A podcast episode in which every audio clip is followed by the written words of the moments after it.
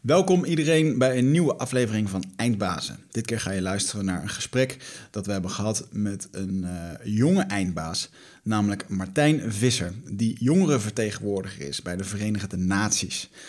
En uh, nou, daar gaan we zo meteen meer over hebben. Eerst wil ik jullie even meenemen in de algemene mededelingen. Um, deze podcast wordt mede mogelijk gemaakt door Nutrofit.nl. Ga daarvoor naar n-o-o-t-r-o-f-i-t.nl en daar kan je terecht voor allerlei supplementen die jou ondersteunen bij uh, onder andere je cognitieve vaardigheden, zoals concentratie, creatie, flow. We verkopen daar namelijk bepaalde nootropica die je daarbij kunnen ondersteunen. Dus zeker als, uh, als studenten of carrière-tijgers naar, dit, naar deze podcast luisteren, ga daarvoor eens eventjes naar onze website. Gebruik de kortingcode EINDBAZEN en je ontvangt daarmee 5% korting op al je supplementen. Dan op 14 oktober organiseer ik weer een overleven in de moderne jungle workshop. De, de, de workshop waarbij we proberen uit ons hoofd te komen en uh, weer in ons uh, gevoel te komen, om bij onze intuïtie te komen.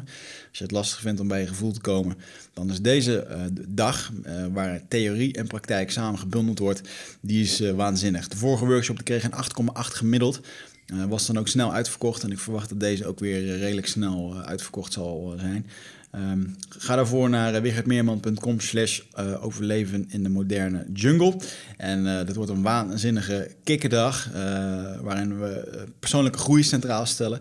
Maar vooral um, de, vraag, um, waarom sta je nu waar je nu staat? Hoe komt dat? en wat kan je eraan doen om dat te veranderen? Ga kijk daarvoor eventjes bij mij op de website. En uh, dan kan je de week daarna ook direct meedoen met Michel's een workshop. Die is dan weer in Utrecht. Um, en die zal dat op 23, 24 oktober doen. Uh, een, een 12 Waves slash life crafting workshop. Waarbij je twee dagen aan de slag gaat om, om al jouw plannen in kleine mootjes te hakken. En daar in structuur mee aan de slag te gaan. Toffe workshop. Als je van het 12 Waves gedachtengoed uh, gefascineerd bent, als je daardoor gefascineerd bent, moet je daar zeker eens eventjes gaan kijken. Uh, kijk daarvoor eventjes op de Facebookpagina van 12 Waves. En dan onder het kopje evenementen, daar vind je alles over deze workshop. Dan voor de ondernemers. Michel en ik starten weer een mastermind hier in oktober. Uh, die mastermind dat is een groep ondernemers die om de zes weken bij elkaar komt. En dan gaan we sparren omtrent jouw onderneming. En dat doen we met inspirerende sprekers, uh, met zogenaamde hot seats, waarin we jouw problemen voor de groep leggen. En dan gaan we daar met de groep op schieten om uh, te bepalen waar jij de komende zes weken naartoe gaat. Dus als jij die ondernemer bent die maar een beetje blijft aanhikken tegen het niet verder komen, um, jaar in jaar eind blijft het een beetje hetzelfde. je, je, salaris gaat niet omhoog of je omzet gaat niet omhoog. Je zit tegen, een beetje tegen een plafond aan. Ja, dan wordt het tijd om, om daar externe hulp bij te halen. En de resultaten die we met, uh, met de huidige groep hebben behaald, die zijn echt waanzinnig. Dus ik kan het iedereen aanraden. Ga daarvoor naar 12-waves.nl of .com slash masterminds. En vervolgens uh, kom je daar uh, bij een aanvraagformulier. Dan kan je jezelf aanmelden. En dat is nog geen garantie dat je mee kan doen, want we doen het wel heel erg selectief. En dan kan je meedoen met ons jaarprogramma. Kan je samen met Michel en mij werken aan jouw business. Um, nou, tot zover alle mededelingen. Uh, dan wil ik jullie graag meenemen naar het gesprek waarin we met Martijn hebben gesproken over wat zijn functie nou is als jeugdvertegenwoordiger bij de Verenigde Naties. En ja, de Verenigde Naties, ik moet heel eerlijk zeggen, het moest eventjes weer uh, terug in mijn geheugen duiken. Um, vroeger op, uh, op school heb ik hier natuurlijk wel een en ander over gehad. Maar wat doen de Verenigde Naties nou eigenlijk? En wat kunnen jongeren daarin doen? ontzettend inspirerend om een jonge gast de jong in de twintig is, uh, als Martijn, om zo gedreven te zien om de wereld een stukje beter te maken. Zijn droom achterna te gaan. En uh, nou, je moet er zelf maar eventjes naar luisteren. Ik denk dat we een, een, grote eindbaas in de studio hebben gehad waar we nog veel van gaan horen in de toekomst. Dames en heren, Martijn Visser. Eindbazen wordt gesponsord door Nutrofit. De webshop voor natuurlijke voedingssupplementen en trainingsmaterialen die je helpen bij het verkrijgen van Total Human Optimization. Nutrofit is hofleverancier van merken zoals Onnit, Natural Stacks en Bulletproof Coffee. Probeer onze producten zonder risico door onze money back guarantee. Bezoek ons op www.nutrofit.nl. Bestel je voor 9 uur s avonds, dan zorgen wij dat jouw bestelling de volgende dag geleverd wordt.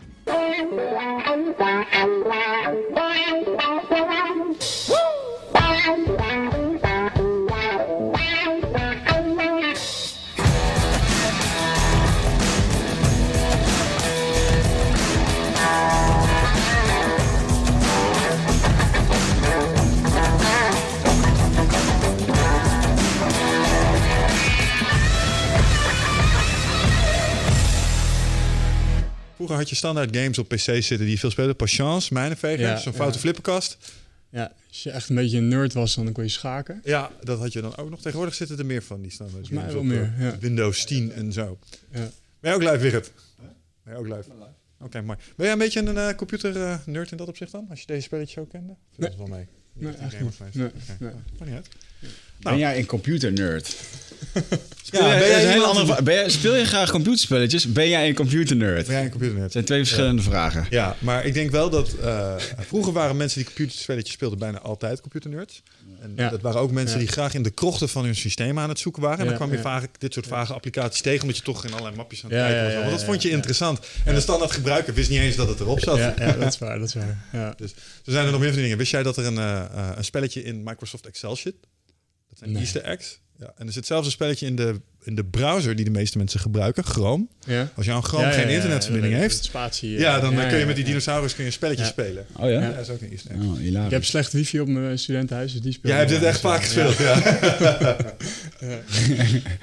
hey, leuk man. Eh, we zijn al een beetje eh, rollend begonnen zo. Ehm, Martijn, welkom in, eh, in de studio. Dankjewel. Ja, leuk dat je er bent. Ehm, we hebben jou eh eens eh, gevraagd hier om eens eh, te komen kletsen, omdat jij eh, met je 23-jarige leeftijd, je bent inmiddels iets ouder, 24 inmiddels. 24 Ja. al, jeetje, Ja. een hele kerel. Ja. Ehm, maar eh, heb je al best wel iets bijzonders gedaan? Ehm, je hebt je namelijk op het eh, internationale politieke podium eh, heb je begeven met een best wel krachtige boodschap. Ik heb hem beluisterd, ik was van onder de indruk. Dus dat was voor ons in ieder geval aanleiding om eens even te zeggen... hé, hey, maar dit is volgens mij een bijzondere vent. Wat was je daar aan het doen? Wat, eh, hoe kwam je daar zo? Wat ging je ze vertellen? Eh, Ja. Wat was de aanleiding? Vertel eens. Ja, waar wil je dat ik begin? Want het is een... eh, Het dit- begin. Het be- begin, het begin van het begin. nou, hoe ik daar kwam is, is ik ben verkozen voor, tot Nederlandse jongerenvertegenwoordiger naar de Verenigde Naties. Eh, dus in die rol was ik daar ook. Ik was daar om mijn generatie te vertegenwoordigen. Er zijn niet zoveel jongeren aanwezig bij de VN. Het zijn vooral allemaal oudjes, vooral ook mannen. Dus ik was een van de weinige jongeren. Eh, en hoe ik precies op dat podium daar kwam, dat, ja, dat is een jaar lang eh, eigenlijk tegen deuren aanschoppen. En dat is wat ik eigenlijk heel veel aan het doen ben. Wat ik niet, had, eh, niet verwacht had om te doen, maar wat ik uiteindelijk wel veel aan het doen ben. Dat is vooral namelijk überhaupt proberen een stem te krijgen. In plaats van direct inhoudelijk meedoen. Oké, je bent met name jezelf kenbaar aan het maken. Weet je wel. Ja. Omdat je het gevoel hebt dat... waarom doe je dat?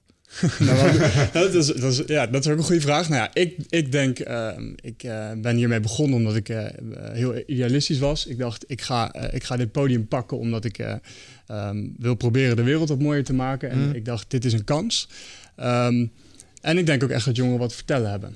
Ja. En ik denk zelfs dat jongeren heel belangrijk zijn in ehm, het moment waar we nu in leven. Namelijk eigenlijk aan het begin van heel veel transities. zijn al verschillende sprekers langsgekomen die daar, eh, zoals Jan Rotmans, die daar al heel veel over verteld hebben. Eh, we staan echt aan, aan de, de vooravond van heel veel transities. En dat betekent verandering. Eh, en ik denk dat jongeren met een wat meer een open-minded mindset daar een belangrijke rol in kunnen spelen. Ja, Ja. Misschien ook wel iets meer met een besef van urgentie. Ja, dat denk ik ook. Omdat het Ja. jullie wereld is. Ik kan me nog wel herinneren namelijk, met name toen ik jonger was. En dan vertelden ze me over zure regen en het smelten van de spoorkap. En dan dacht ik, eh, ik word maximaal 100. Het zal mijn tijd wel duren, weet je wel. Ja. Ehm, Ja, en ik kan me voorstellen dat als je nu jonger bent, ik bedoel, ik ben ik nader de 40, nou gaat nog eens 60, misschien redden we dat, eh, misschien niet. Maar eh, bijvoorbeeld Wigert is net vader geworden. Dat zijn, dat, dat ja. Dat is, en, en jij ook. Eh, jullie kunnen er misschien in jullie dagen nog wel eens er- ernstig mee te maken krijgen. zeker En, weten. en, en morgen is niet meer gegeven in termen van de sustainability van deze planeet. Nee, dus, eh, nee, dat is echt helemaal waar. En eh, eh, bijvoorbeeld, we, we hebben nu een Parijsakkoord. Dus daar is afgesproken, we moeten onder de anderhalf, twee graden blijven. ja. Ehm, momenteel mikken we op 3,5 met het huidige beleid wat er is. En dat is aan het eind van de eeuw. Dus dat, dat zou ik zomaar nog wel eens mee kunnen maken. die, die Ja. 1 tot 2 procent. eh, Heeft dat te maken met die stijging van de zeewatertemperatuur? Nee, dus dit is echt de graden, dus de gemiddelde temperatuur op aarde. Eh, en en eh, die kan dus, eh, nou ja, we, we hopen die onder de anderhalf à 2 graden te houden. Eh, maar dat lijkt er dus nu nog niet op te lukken. Nee. Nee. Nee. Is dat een. wa- wat is de. Ja, ik weet dat klimaatwetenschap moeilijk is. Ja. Het zijn hele complexe modellen. Ja, ja. Ja. Wat is de consequentie als het niet lukt? Uh, nou ja, dus die zeespiegelstijging die jij al noemt, uh, dat is een, uh, een heel groot probleem. je ziet gewoon hele grote weersverschuivingen. dus je kan veel meer droogte krijgen in bepaalde gebieden waar bijvoorbeeld nu, waar, dat zie je nu ook al gebeuren, maar dat kan alleen maar heftiger worden. er zijn nu al eilanden, gewoon echt landen die een plan aan het schrijven zijn van we moeten gaan verhuizen. Dus we moeten een land ergens gaan opkopen van een ander land. Ja. Zoals de Malediven, noem maar op. Dus die, die, die landen zijn er gewoon straks niet meer. Ja. dus de gevolgen zijn uh, direct stijging van de zeespiegel en, en uh, verschillende weersomstandigheden. En indirect uh, migratiestromen, mm -hmm. noem maar op, conflict. Ja, ja. ja dat, dat is altijd. Ik ben er wel eens van beschuldigd dat ik apocalyptische neigingen heb. -huh. ik, heb ik, ik, ik, heb te veel films gezien of zo. Ik heb altijd het gevoel gehad dat er ergens in de nabije toekomst dat het helemaal niet uh, ondenkelijk zou zijn dat wij met onze cozy maatschappij nog eens een keer een paar kilometer naar rechts zouden moeten richting Duitsland, omdat de zeespiegel deze kant op komt. En dat wij dan veel minder comfortabel hebben. Misschien tentenkampen of dat soort dingen. Um, misschien niet ik, maar misschien wel in de komende generaties dat dat nog niet eens zo heel onmogelijk zou zijn. Ja, ja en wat dan wat lastig aan, aan, aan de, dit probleem is, is dat wij waarschijnlijk wel veilig zijn, omdat wij een heel rijk land zijn. Zo. Um, en dat zie ik uh, internationaal dus. Bangladesh bijvoorbeeld, die heeft nu al elk jaar last van uh, overstromingen. Ja. En die, die zijn nu al aan het migreren. Dat snap ik. Maar wij, zijn, wij heten Nederland. Ja, ja, weet, je waarom, ja, ja, weet je waarom dat is? Ja. Nee, maar we zijn ook wel heel goed in dijken bouwen. En, en we doen dat overal op de wereld. Dus het zou kunnen, als, als je inderdaad echt die gedachten hebt... dat ook Nederland een keer moet verhuizen. Maar het zal eerder ergens anders fout gaan. En ook sneller. Wij zijn in staat om onze infrastructuur wel aan te passen, verwacht je? Ja, nou ja 3,5 graden, is, dan wordt het misschien ook voor ons wel lastig. Maar voor een tijdje wel. Ja. Mm. einde, einde van de eeuw, dat is 80 jaar. Ja. ja. Gaat snel 80 jaar. Nou, sowieso. Als ik het even kijk naar hoe de afgelopen 40 jaar is gegaan. Hoe heb jij dat ervaren met je huidige 24 jaar? Dat gaat hard, toch? Dat gaat echt heel hard. Ja, ja, dat is volgens mij jullie verschil. Ja, ja de, de tijd vliegt. Ja, ik weet nog dat ik op de basisschool zat. Um, en dat ze ons toen uitlegden.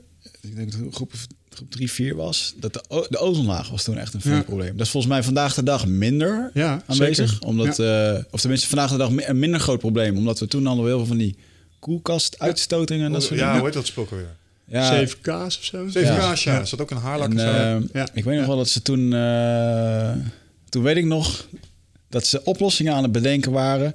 om dan misschien een soort bal in dat gat te schieten, zodat dat mm. allemaal van dat soort theorieën ja, waren ja, ja, ja, gingen. Maar volgens mij hebben we dat uiteindelijk wel heel erg, uh, dat hebben we re relatief snel uh, de kop in weten te drukken. Ja, dat gewoon opgelost. Ja. Ja. Ja, ja, En dat is ook dat is ook een internationaal akkoord geweest. Um, en um, dat is er dus nu ook voor uh, klimaat. Alleen het is ja, het is zo'n enorm, uh, enorme uitdaging, eh, deze, deze kwestie. Dat het wat minder makkelijk op te lossen is. Ja, ja. maar goed. Ja. Waar kom jij, uh, als jij nu dagelijks bezig bent met... Um, hoe ziet een dagelijkse dag verder überhaupt uit? Laten we daar eens mee beginnen. Ja, voordat ik de diepere die, vragen stel. Die is er niet, maar dat, nee, het verschilt echt elke dag en elke week. Um, ik ben eigenlijk dus internationaal ben ik de, de, vertegenwoordig ik de Nederlandse jongeren. Mhm. En nationaal vertegenwoordig ik klimaat- en duurzaamheidsthema's. Uh, dus ik ben vooral in Nederland veel bezig, veel met jongeren in gesprek. We gaan volgende week weer op een tandem van Nijmegen naar Den Haag fietsen in een week. En langs scholen, jongerencentra en noem maar, op. Uh, om uh, nou ja, van jongeren te weten wat zij belangrijk vinden, wat zij ook bereid zijn om misschien over te hebben voor, voor keuzes die op duurzaamheid gericht zijn. Um, en dat bieden we vrijdag aan aan de minister-president. We mogen even kort met hem eh, daarover praten. Uh, maar dus ik ben vooral in Nederland veel bezig. En dan af en toe ga ik mee met een Nederlandse delegatie naar een VN-top. Uh, en daar nou ja, ben, heb ik dus een hele andere rol. En wat ik dus merk is dat ik soms inhoudelijk mee kan doen, maar eigenlijk vooral nog aan het vechten ben om überhaupt een plekje te krijgen daar. Mm. Ja. Waarom is dat? Waarom is dat zo moeizaam? Ja, dus ja, er zijn heel veel oude mensen, nou ja, oude, dat klinkt ook zo negatief, je moet er altijd mee oppassen, want dan krijg ik ook in praatjes weer te horen van, uh, je, je, laat me wel heel oud voelen. En dat is ook niet mijn boodschap. Mijn boodschap is meer um, dat uh, om die transities in te gaan, hebben we echt een, een, team nodig. Een team van, ik denk echt de beste talenten samen. En ik geloof dat dat team moet bestaan uit uh, ervaren seniors en jonge mensen. Mm -hmm. Mm -hmm. En dat mist nu nog uh, bij de VN, want het zijn eigenlijk voornamelijk oude experts en seniors, die dus heel belangrijk zijn. Maar zeker in tijden van verandering uh, zou het heel fijn zijn als de jongeren wat, wat meer te zeggen krijgen. Ja, ja ik denk dat namelijk de, de neiging die je ook zult hebben, eh, zodra je, uh, tenminste ik herken dat aan mezelf, naarmate je Ja. ouder wordt en je expertise neemt toe, dus ook jouw perceptie van potentiële risico's of dingen Ja. die je niet overziet neemt Ja. toe. En daardoor neemt je doortastendheid en voortvarendheid soms af. En daar kan soms een stukje eh, jeugdig enthousiasme Mhm. eh, je eigenlijk gewoon er langs heen trekken. En dan komt je zo, oh, dat was veel minder ernstig als ik had gedacht. Blij dat we het gedaan hebben. Dus ik, ik snap wat je zegt als het gaat om die, eh, die onderlinge chemie. En eigenlijk snapt ook eigenlijk iedereen het als ik het zeg, maar het Mhm. gebeurt alleen nog niet echt. Dus het is, eh, dat is de tweede stap. Ja, en, Ja. en, ehm, is dat gewoon omdat je voor je gevoel nog niet als volwaardig wordt aangezien? En nou ja, dus in Nederland lopen daar, eh, loopt de overheid daar denk ik best wel voorop. Dus eh, we worden echt wel goed betrokken. Ehm, internationaal ben ik denk ik meestal met z'n tienen. En dat Mhm. zijn dan meestal ook progressieve eh, eh, Europese landen. Eh, die nemen jongeren mee en de rest allemaal niet. Dus eh, Mhm. de eerste keer dat ik ook naar zo'n top ging, weet ik nog heel goed dat ik in mijn volle enthousiasme dacht, nou, ik heb, ik, ik heb gewoon een delegatiepas. Dus ik, ik kan een soort van doen alsof ik gewoon in een Nederlandse delegatie zit als ambtenaar. Dus ik liep toen naar de, de Indiaanse delegatie toe om een afspraak te maken voor eh, een gesprek. eh, om te zorgen dat zij een jongerenvertegenwoordiger zouden krijgen. En dat werd binnen eh, vijf minuten in dat gesprek werd dat afgekapt. Van dit is toch helemaal geen plek voor jongeren. Dit is, dit is niet iets waar jullie op dit moment mee moeten bemoeien. Het, Oh, het gaat over onze toekomst. Hè? Dus moreel gezien is dat raar. Maar ja, Ja. dat is... eh, Voelt dat ook echt zo voor je nu? Dat, dat, dat er mensen zeg maar, het lot van jouw wereld in handen hebben waar je zelf geen inspraak op hebt? Je hebt het gevoel dat ze, dat ze niet de juiste keuzes aan het maken zijn? Ja, weet je wel. Ja, ja. En ik, het is lastig om daar echt eh, eh, bijvoorbeeld ook die diplomaten de schuld van te geven. Want er zijn er ook heel veel met goede dingen bezig. Maar eh, ik kan er in ieder geval nu, nu nog te weinig invloed op hebben. En ik ben ook maar één iemand. En het zou Mhm. fijn zijn als... Mijn boodschap is ook vooral... kijk in je eigen organisatie... en, eh, en neem eens een jongere mee naar je bestuursoverleg of wat dan ook. Mhm. Een jongere werknemer. Ja. Ja. Dat zal sowieso wel een interessant perspectiefwijziging met zich meebrengen, denk ik. Ja. Ja. Ah, Ja. ja, die zal een boel dingen, dat is, dat is wel goed sowieso. Die zal een boel dingen raar vinden. Ja. Stom vinden. Ja. Ja. Ja. Dus. Het is goed als mensen binnenkomen en vragen waarom doen we dit zo? Ik snap Ja. het niet. Ja, Hoezo precies. niet? Precies. Even, even van buitenaf Ja. en dan even... eh, ja. Ja, interessant. Maar daar, daar liep je dus toch wel tegen de nodige weerstand aan in dat... eh, Ja, ja, en eigenlijk nog steeds wel, maar het is wel vooral. ehm, in Nederland kan het nog wel, alleen je moet er gewoon hard voor, eh, voor vechten en blijven Ja. proberen en dan lukt het je wel. Ehm, maar op internationaal niveau is dat echt wel een ander verhaal. Ja. Hmm. Ja. Hmm. Ja, de- denk je dat het veilig is om te stellen dat je als eh, jeugdige in Nederland daar. Nou, Laat ik het zo zeggen. Is dat ook kenmerkend voor de verschillen in de plek van de jeugd in de, de maatschappij? Hier in Nederland beschouwen mensen van jouw leeftijd toch ook wel als bijdragend. Hebt Ja. iets zinnigs te zeggen, weet je wel, die mag, die mag meepraten. Enorm. Ja, is dat op dus- andere plekken in de wereld anders? Ja, dus dat is echt de polderen van Nederland. En eh, eh, sinds kort dus ook dat, dat jongeren daar ook wel echt een, eh, een eh, nou, added value in, in zijn. Mhm. Eh, dat is dat kenmerkt Nederland enorm. Ja. ja, ja, Mm. zeker. Ja. Wat is het argument van die andere landen om bijvoorbeeld daar, bijvoorbeeld in Bangladesh, waarom zijn die daar minder voortvarend in? Nou, ik denk dat dat gewoon heel veel te maken heeft met eh, de, de belangen die zij al hebben. Mhm. de positie die zij al hebben en het gevaar, want wij komen als een gevaar over van jonge mensen die het anders willen doen. En dat is denk ik eh, eng voor veel mensen. Waarom is dat gevaarlijk? Denk jij? Mm, ik denk dat het gevaarlijk kan zijn voor de positie van iemand, de positie waar die in zit. Want er komt iemand die misschien wel concurrerend kan zijn met, die, Mhm. met die persoon. Ehm, en misschien vooral dat, dat ook wel eigenlijk. Dus misschien is het dus een soort van gevaar als een, als een concurrentie wordt het gezien. Eh, dingen gaan zoals het, ze gaan. En, het en zeker in de diplomatie, hè, dan is het allemaal best wel eng. Want het is eh, één foutje en, eh, en Donald Trump kan heel boos worden, zeg maar. Dus dan, ik snap ook wel in dat opzicht dat het voor, je moet voorzichtig zijn, ook met een jongere stem. Wat, Ja. ik daar, wat ik daarin hoor en wat me echt zorgen baart, is dat het. het zijn ego's, man. Dus, dus die besluitvorming wordt gedaan door, door ego's die zo groot zijn dat als je één foutje maakt in een Mm. gesprek alleen al, dat het helemaal mis kan lopen. En zo nou meet die diplomatie. Dus dat zijn Ja. allemaal mensen met lange tenen, Hmm. eh, een flinke chip on their shoulder. En die mensen betalen, bepalen het beleid en de toekomst voor onze planeet. Ja. Dat is fucking scary. Ja. ja, en dat is echt, dat is bij de VN, ja, het moet zo voorzichtig. En dat, dat is inderdaad wel echt het ding. En eh, ik weet nog een tijdje geleden wilden wij als jongeren, je hebt daar dus ook heel veel evenementen. En dat is echt het meest verschrikkelijke wat er is. Want dat is gewoon een tafel met, met vijf experts. En zijn vaak ministers of zo. En eh, die krijgen allemaal tien minuten en die zeggen wat in de zaal. En that's it. Nul interactie. Je mag geen eens vragen stellen, want die moet dan eerst voorbereid zijn door de minister. En eh, wij hadden toen een, eh, een eh, aanvraag gedaan voor een design thinking session. Want wij dachten, nou, dan gaan we de human-centered approach. En dan gaan we gewoon met die... Nou, dat werd natuurlijk meteen afgeketst. Dat is Kennen echt- ze niet? Ja, dat is, dat is hartstikke eng. Ja, Ja, ja, ja, doen dat is nieuw. Dus, ja, Oh, ja. dat is grappig. Hoe kom je aan dat soort tools trouwens? Eh, zoals user-centered approach klinkt bijna een beetje als IT-achtige achtergrond. Ja, helemaal niet. Dus ik ben bioloog. Dus Oké, dit is eh, of gewoon vooral wat ik hoor onder jongeren. En eh, ik denk ook wel, wat ik wel heel erg gemerkt heb, is dat klimaatverandering is zo abstract. En al die dingen eigenlijk, duurzaamheid, noem maar op. Mhm. Uh, dus je moet het heel erg vanuit het individu bekijken. Dus je moet eerst heel erg gaan vragen van... wat vind jij belangrijk? Wat zijn jouw waardes? Uh, en vanuit daar gaan kijken of je dat kan koppelen aan uh, duurzaam handelen. Of, Mhm. of oké, wat voor impact zou dat op jouw leven kunnen hebben... als je het over klimaatverandering... Maar je Ja. moet echt beginnen bij de persoon. Want anders dan haakt iedereen af. En, Ja. en jij hebt, daar, je hebt nu een aantal van dat soort exercities doorlopen. Mhm. Dus je hebt wel een redelijk idee bij wat daar, wat daar speelt. Ja. Als je daar nou eens een top 3 van zou moeten distilleren, waar, waar, kom, waar loop je dan het meest tegenaan? Ehm, waar loop ik het meest tegenaan? Nou, wat waar- zijn de antwoorden die je krijgt? Zo, wat is belangrijk voor jou? En, en- Mhm. en, en dat, dat specifieke Ja, ja. antwoord dat ze geven, hoe koppel jij dat dan aan duurzaam handelen? Ja, ja nou ja, wat, wat is belangrijk voor jou als, als jongere is dat denk ik hetzelfde als voor iedereen. Het is gewoon belangrijk dat je, dat je goed in je vel zit, dat je een goede vriendengroep hebt, noem maar op. Mhm. Ehm, dat je kan shoppen, dat je kan reizen. Reizen is eh, denk ik ook een van de lastigste dilemma's voor eh, jongeren die heel veel bezig zijn met duurzaamheid. Ehm, dus daar begin je en dan ga je, ga je vragen, oké, en, en eh, oké, je weet, je vindt duurzaamheid belangrijk en je vindt reizen belangrijk. Is het, is het iets dat je een keer met de trein op vakantie gaat? En noem maar op. En dan kan je mensen wel, wel raken.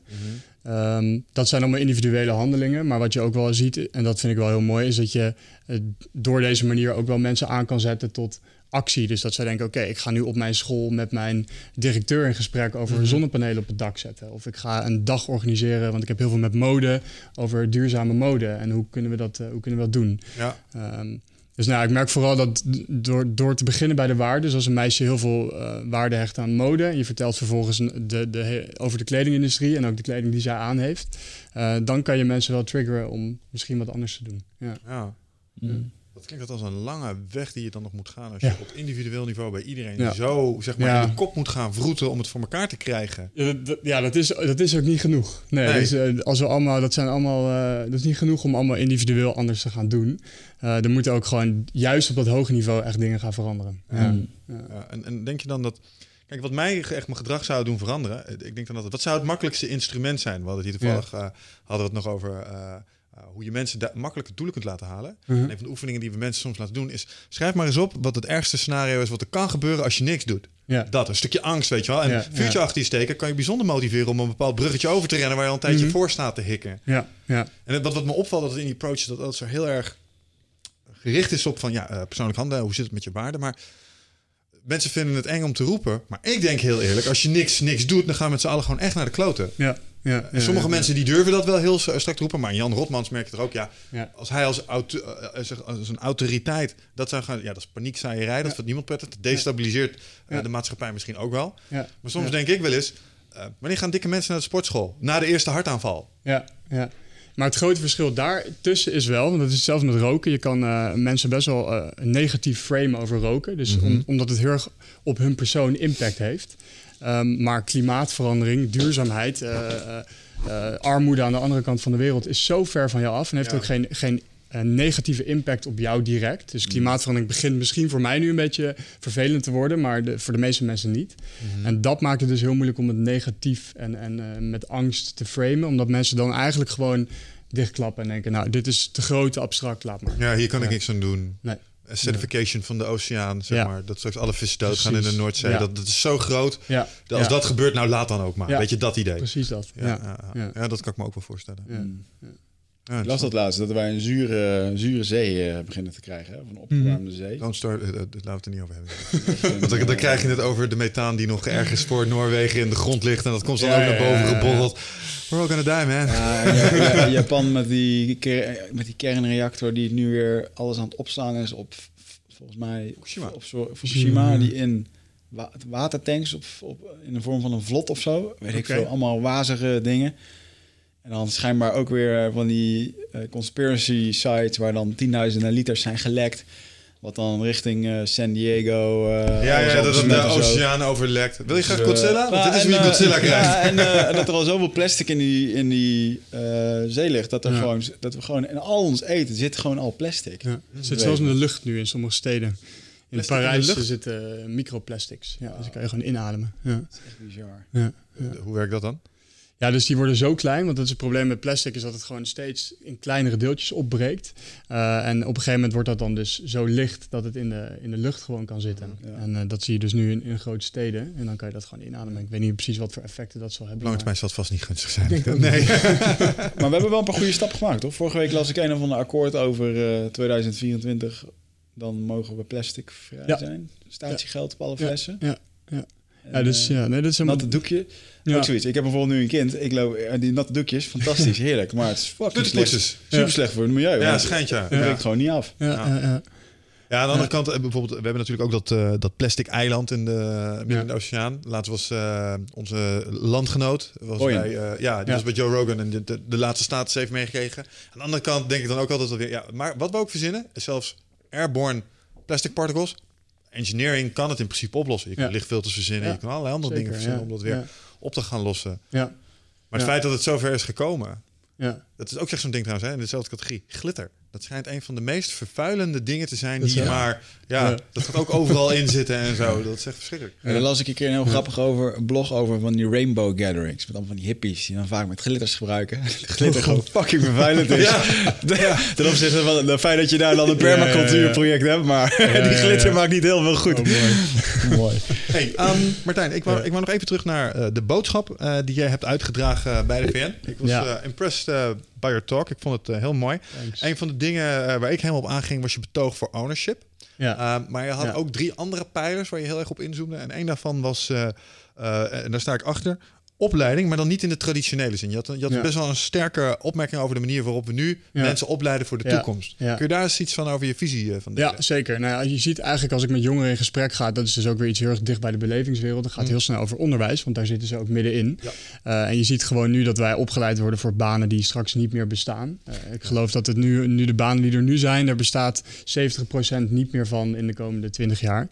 Um, en je ziet bijvoorbeeld ook dat we dus heel erg achter de feiten aanlopen. Als je het weer over die energietransitie hebt, is er nu een tekort aan installateurs voor zonnepanelen, en noem maar op. Nu al. En we zijn er eigenlijk nog ineens begonnen met die transitie. Ja, ja, ja. Uh, dus we worden gewoon niet opgeleid voor, voor de toekomst. En we worden natuurlijk ook heel erg in hokjes opgeleid. Je hebt een vak economie en je hebt een vak uh, biologie. En er zit helemaal geen. Ja, geen precies. Dat is grappig, want, want, jij noemt jezelf een bioloog. Ik zou mezelf een econoom noemen. Ik doe eigenlijk niet zo heel veel ermee, maar ik ben daar ooit een keer gestart in mijn opleiding en daarom ben ik dat. Ja, precies. Ja, Maar eigenlijk ben ik het helemaal niet geworden. Ja. Grappig is. Ja, ja, ja. ja, en weet je, het, het, maakt ook gewoon heel weinig sens nu, omdat alles zo met elkaar in verband staat. Dus stel je zou leren over, we hebben hier een mobiele telefoon en dat zou niet het vak zijn, maar we gaan het nu een blok over de mobiele telefoon hebben en dan gaan we het hebben over de grondstoffen die erin zitten, aardrijkskunde. We gaan het hebben over, oké, okay, hoe maak je een business case of wat dan ook, economie. We gaan het hebben over de, de technologie eromheen. Alles kan je daarmee behandelen. Maar dan wel dat je meteen die verbanden ziet in plaats van die hokjes. Ja, mm. ja dat is interessant, ja. ja. En, en, hoe, en hoe borg je dat? Dus dat is een aanpassing in het, in het onderwijs. Dus je gaat eh, zeg maar uh, minder in hokjes werken, meer thema specifiek of zo, of een soort van overkoepelend, of een soort van draad over al die disciplines heen. Ja, ja, ja. ja, um, Wat nog meer? Want ik, ik begreep dat het stukje ondernemerschap had je ook hoog zitten daarin. Ja, dat heb ik inderdaad daar wel genoemd. Um, ook dat zit gewoon helemaal niet. En het gaat vooral over, over middelbare schoolonderwijs. Ook dat zit er eigenlijk gewoon nauwelijks in. Mm -hmm. uh, en ook nu weer, we moeten zoveel nieuwe innovaties gaan krijgen. Dus het is gewoon heel belangrijk om jongeren op die leeftijd al aan te zetten om daarover na te denken. En in ieder geval die mindset te hebben van hoe kunnen we uh, problemen oplossen. Uh, dus misschien is de mobiele telefoongenees het goede voorbeeld, maar moet je komen met een, met een probleemstelling. En vanuit daar gaan denken, oké, okay, hoe kunnen we dat oplossen met verschillende disciplines. Maar hoor ik je daar dan ook zeggen dat hetgeen wat ons in de problemen heeft gebracht, consumer, uh, consumerism, ja. marktwerking, ja. zou potentieel ook nog eens de oplossing kunnen zijn voor het probleem? Ja, dat is een goede vraag. nou, dat, dat, is wat ik daar een beetje doe. Van als we de ja. nieuwe generatie leren ondernemen en dus hun, hun eigen misschien wel financiële succes te koppelen aan de oplossing waar de vraag naar is, want dat is wat marktwerking is. Ja, ja, ja, ja, Oh. Heel sterk incentive is gebleken. Ja, ja, belonen met juist inderdaad gewoon staat. Een heel simpel voorbeeld. Staatsschat, vorm van manier van belonen, wat echt gigantische impact heeft. Ja, ja en, er, ja. en er zijn ook gewoon heel veel ondernemingen die niet per se, ja, die, die goed doen en wel passen in het financiële model. Dus het hoeft ook niet allemaal uh, rampzalig te zijn qua, ja, je hebt natuurlijk nu vooral de grotere corporates die uh, moeten veranderen en sommige ook wel aan het veranderen zijn, andere ook helemaal niet. Uh, maar er zijn natuurlijk ook heel veel bedrijven die wel echt nou ja, als, als eerste missie of visie hebben van we willen waarde creëren, we willen zorgen dat we iets goeds doen en daarnaast daarmee verdienen. En dat is denk ik ook niet erg. Nou. Nee. Ander dingetje wat ik had opgeschreven als het ging om uh, opleiding, en dat viel me even op, is dat je, je zoomde ook even in op het uh, opleiden van vrouwen. En dan verwacht ik even Ja. niet binnen Nederland, maar Ja. dat, dat daar een soort untapped resource ligt wereldwijd, Enorm. uh, waar we onvoldoende Ja. gebruik van maken. Ja, enorm. Ja, ja, ja dat is ehm, eigenlijk op alle niveaus te zien. Eh, in Nederland doen we trouwens ook heel slecht hoor. Als je kijkt in Oké. de vrouwen in hoge posities, dan eh, scoren we daar echt heel slecht eh, in vergeleken met eh, de rest van Europa bijvoorbeeld. Ehm, maar vrouwen krijgen gewoon veel minder kansen in heel veel landen op überhaupt onderwijs. eh, hebben niet dezelfde rechten, eh, noem maar op. En eh, ja, daar ligt zo'n enorme kans. Dat is 50% van de wereldbevolking die eh, ja, nu gewoon als, een, als een minderheid gezien wordt. En dat, ja, dat is zo zonde. Ja. Mm. Ja, want daar kan potentieel ook iemand tussen zitten die net even het Eureka-momentje krijgt eh, en eh, Precies, ja. het zwevende plastic probleem te Ja, tackelen met ja. iets ja. Ja, zeker. Ja. Ja. Ik merk dat je daar dan toch, eh, als iemand die in Nederlands is opgegroeid, heb je wel een bias. Dat is, toen ik dat hoorde, dacht ik, oh ja, dat is natuurlijk waar ook. Mm. Daar sta je de helft van de tijd gewoon helemaal niet bij stil. Ja. Mm. Hoe Ja. ben jij als individu tot dat soort inzicht gekomen? Is dat iets wat je had gehoord of heb je dat met eigen ogen aanschouwen? Dat je zoiets van, hey, daar is Nou, gebeurd. Nou ja, dus eh, als individu... Ik ben dus begonnen uit de biologie en daar, daarom ben ik dit ook echt gaan doen. Eh, maar je ziet het overal. Ik, een grappig testje wat wij altijd in de klas doen, of soms in de klas doen... is dat wij de leerlingen vragen, teken een professor. En dan eh, nou, laten we ze tekenen en dan eh, halen we die papieren in. En dan is 90% is een mannelijke professor die Ja. ze tekenen. Ja. Dus daar, ook in Nederland zit daar die bias, of, of directeur, of wat je ook doet. Er komt meteen een soort plaatje van een, van een man voor je.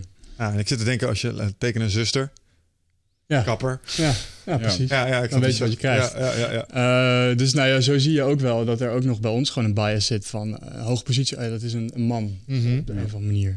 Ehm, eh, en voor de rest ben ik er vooral achter gekomen door inderdaad, als je naar de Verenigde Naties gaat, je, je, je krijgt het plaatje mee van de biologie en de, en de, de milieu, maar het is zo, alles heeft met elkaar te maken. En, en vrouwen opleiden is daar eh, nou ja, ook, ook heel belangrijk voor. Ook om klimaatverandering dus op te lossen bijvoorbeeld. Ja. Ja, dat geloof ik wel. Ehm, ja, een van de dingen eh, die je daar ook bij aangaf, dat was eh, geloof ik de tweede, was eh, daadwerkelijk climate action. Ja. Hebben we nu het ook al een beetje over gehad. En wat ik, Ja. daar, wat ik daar kick aan vond, is dat jullie zoiets hadden van, hey, oude garde, duurt lang. Ja. Eh, hier hebben we een Ja. lijstje met dingen. Ga Ja. eens aan, go fix. ja, precies. Wat stond er op dat lijstje? Dat lijstje, ik, ik refereerde toen naar eh, eh, Jan Terlouw. Hij heeft vorig jaar bij de Wereld Door een manifest gepresenteerd. Het is eigenlijk jammer dat hij het deed, want hij sprak namens alle politieke jongerenorganisaties in Nederland. Mhm. En dat waren ze echt allemaal. Dus het is van de Partij voor de Dieren jongerenorganisaties tot, tot de JOVD, de VVD. Toen was Forum voor Democratie had nog geen eh, jongere organisaties. Misschien was, het- is het nu Dat is anders. niet dat verhaaltje met het touwtje in de brievenbus. Dat is wel dat verhaal, maar daarna heeft hij inderdaad dus met alle politieke jongerenorganisaties een soort van manifest gepresenteerd. Waarbij Ah. alle jongeren, dus van links tot rechts, zeiden: Oké, we moeten, het is nu klaar. We gaan nu gewoon volle bak eh, klimaatactie aanpakken. En dat was dus veel ambitieuzer dan wat er nu in het regeerakkoord staat, of wat dan ook. Ehm, dus dat liet eigenlijk wel zien dat, oké, zelfde politieke eh, eh, nou ja, visie. Maar toch komen we met een veel ambitieuzer plan. Ja. En dat was wel Mm. interessant. Ja. en waar, waar ik even met name benieuwd naar waren, wat waren jullie eh, grootste impactpunten daarin, zeg maar? Dus Ja. waar zaten de verschillen? Wat, wat zijn we nu aan het doen en wat zeiden jullie, nou, met dit moeten we doen? Ja, het is, het is deels gewoon hetzelfde, alleen ambitieuzer. Dus het moet Mhm. gewoon sneller. Ehm, dus we moeten sneller eh, helemaal naar duurzame energie. We moeten niet nu, wat, wat je nu bijvoorbeeld ziet, is dat het heel erg gaat over carbon capture storage. Wat eigenlijk betekent, Shell wil dat vooral. Eh, want ja, die moet ook wat te doen hebben als hij straks geen olie meer mag pompen. Ehm, wij gaan CO2 uit de lucht halen. Dus we gaan eerst een soort van een overshoot hebben. Dus we weten, we weten al, we gaan er overheen. Maar dan verzinnen wij een techniek om dat weer onder de grond te pompen. Ja. Die techniek is er nog niet echt. Er is ook nog geen business case of wat dan ook. Oh, ik dacht dat er dit soort... en, ah, jammer, je haalt hier iets onderuit. ik had eh, we hadden het net over eh, auto's. Ja. eh, ik wil eigenlijk een nieuwe wagen kopen, maar ik, ben, ik ben ook enigszins op de hoogte van eh, klimaatverandering. Mhm. Type auto wat ik wil, kan het dak vanaf. Mhm. En dat vreet Mhm. veel benzine. En toen dacht ik, Mhm. ja, dat kan je eigenlijk niet meer echt verkopen aan Nee. jezelf. En toen hoorde ik dus van zo'n dienst... Ja. En toen dacht ik, maar wat ik kan doen is ik kan uitrekenen hoeveel carbon mijn auto uitstoot in de komende jaar dat ik. Ja, ja, dan huur ik zo'n bedrijfje om dat in de grond te stoppen. En dan ben ik karma vrij aan het autorijden, toch? Maar ik wil jou net zeggen dat dat nog...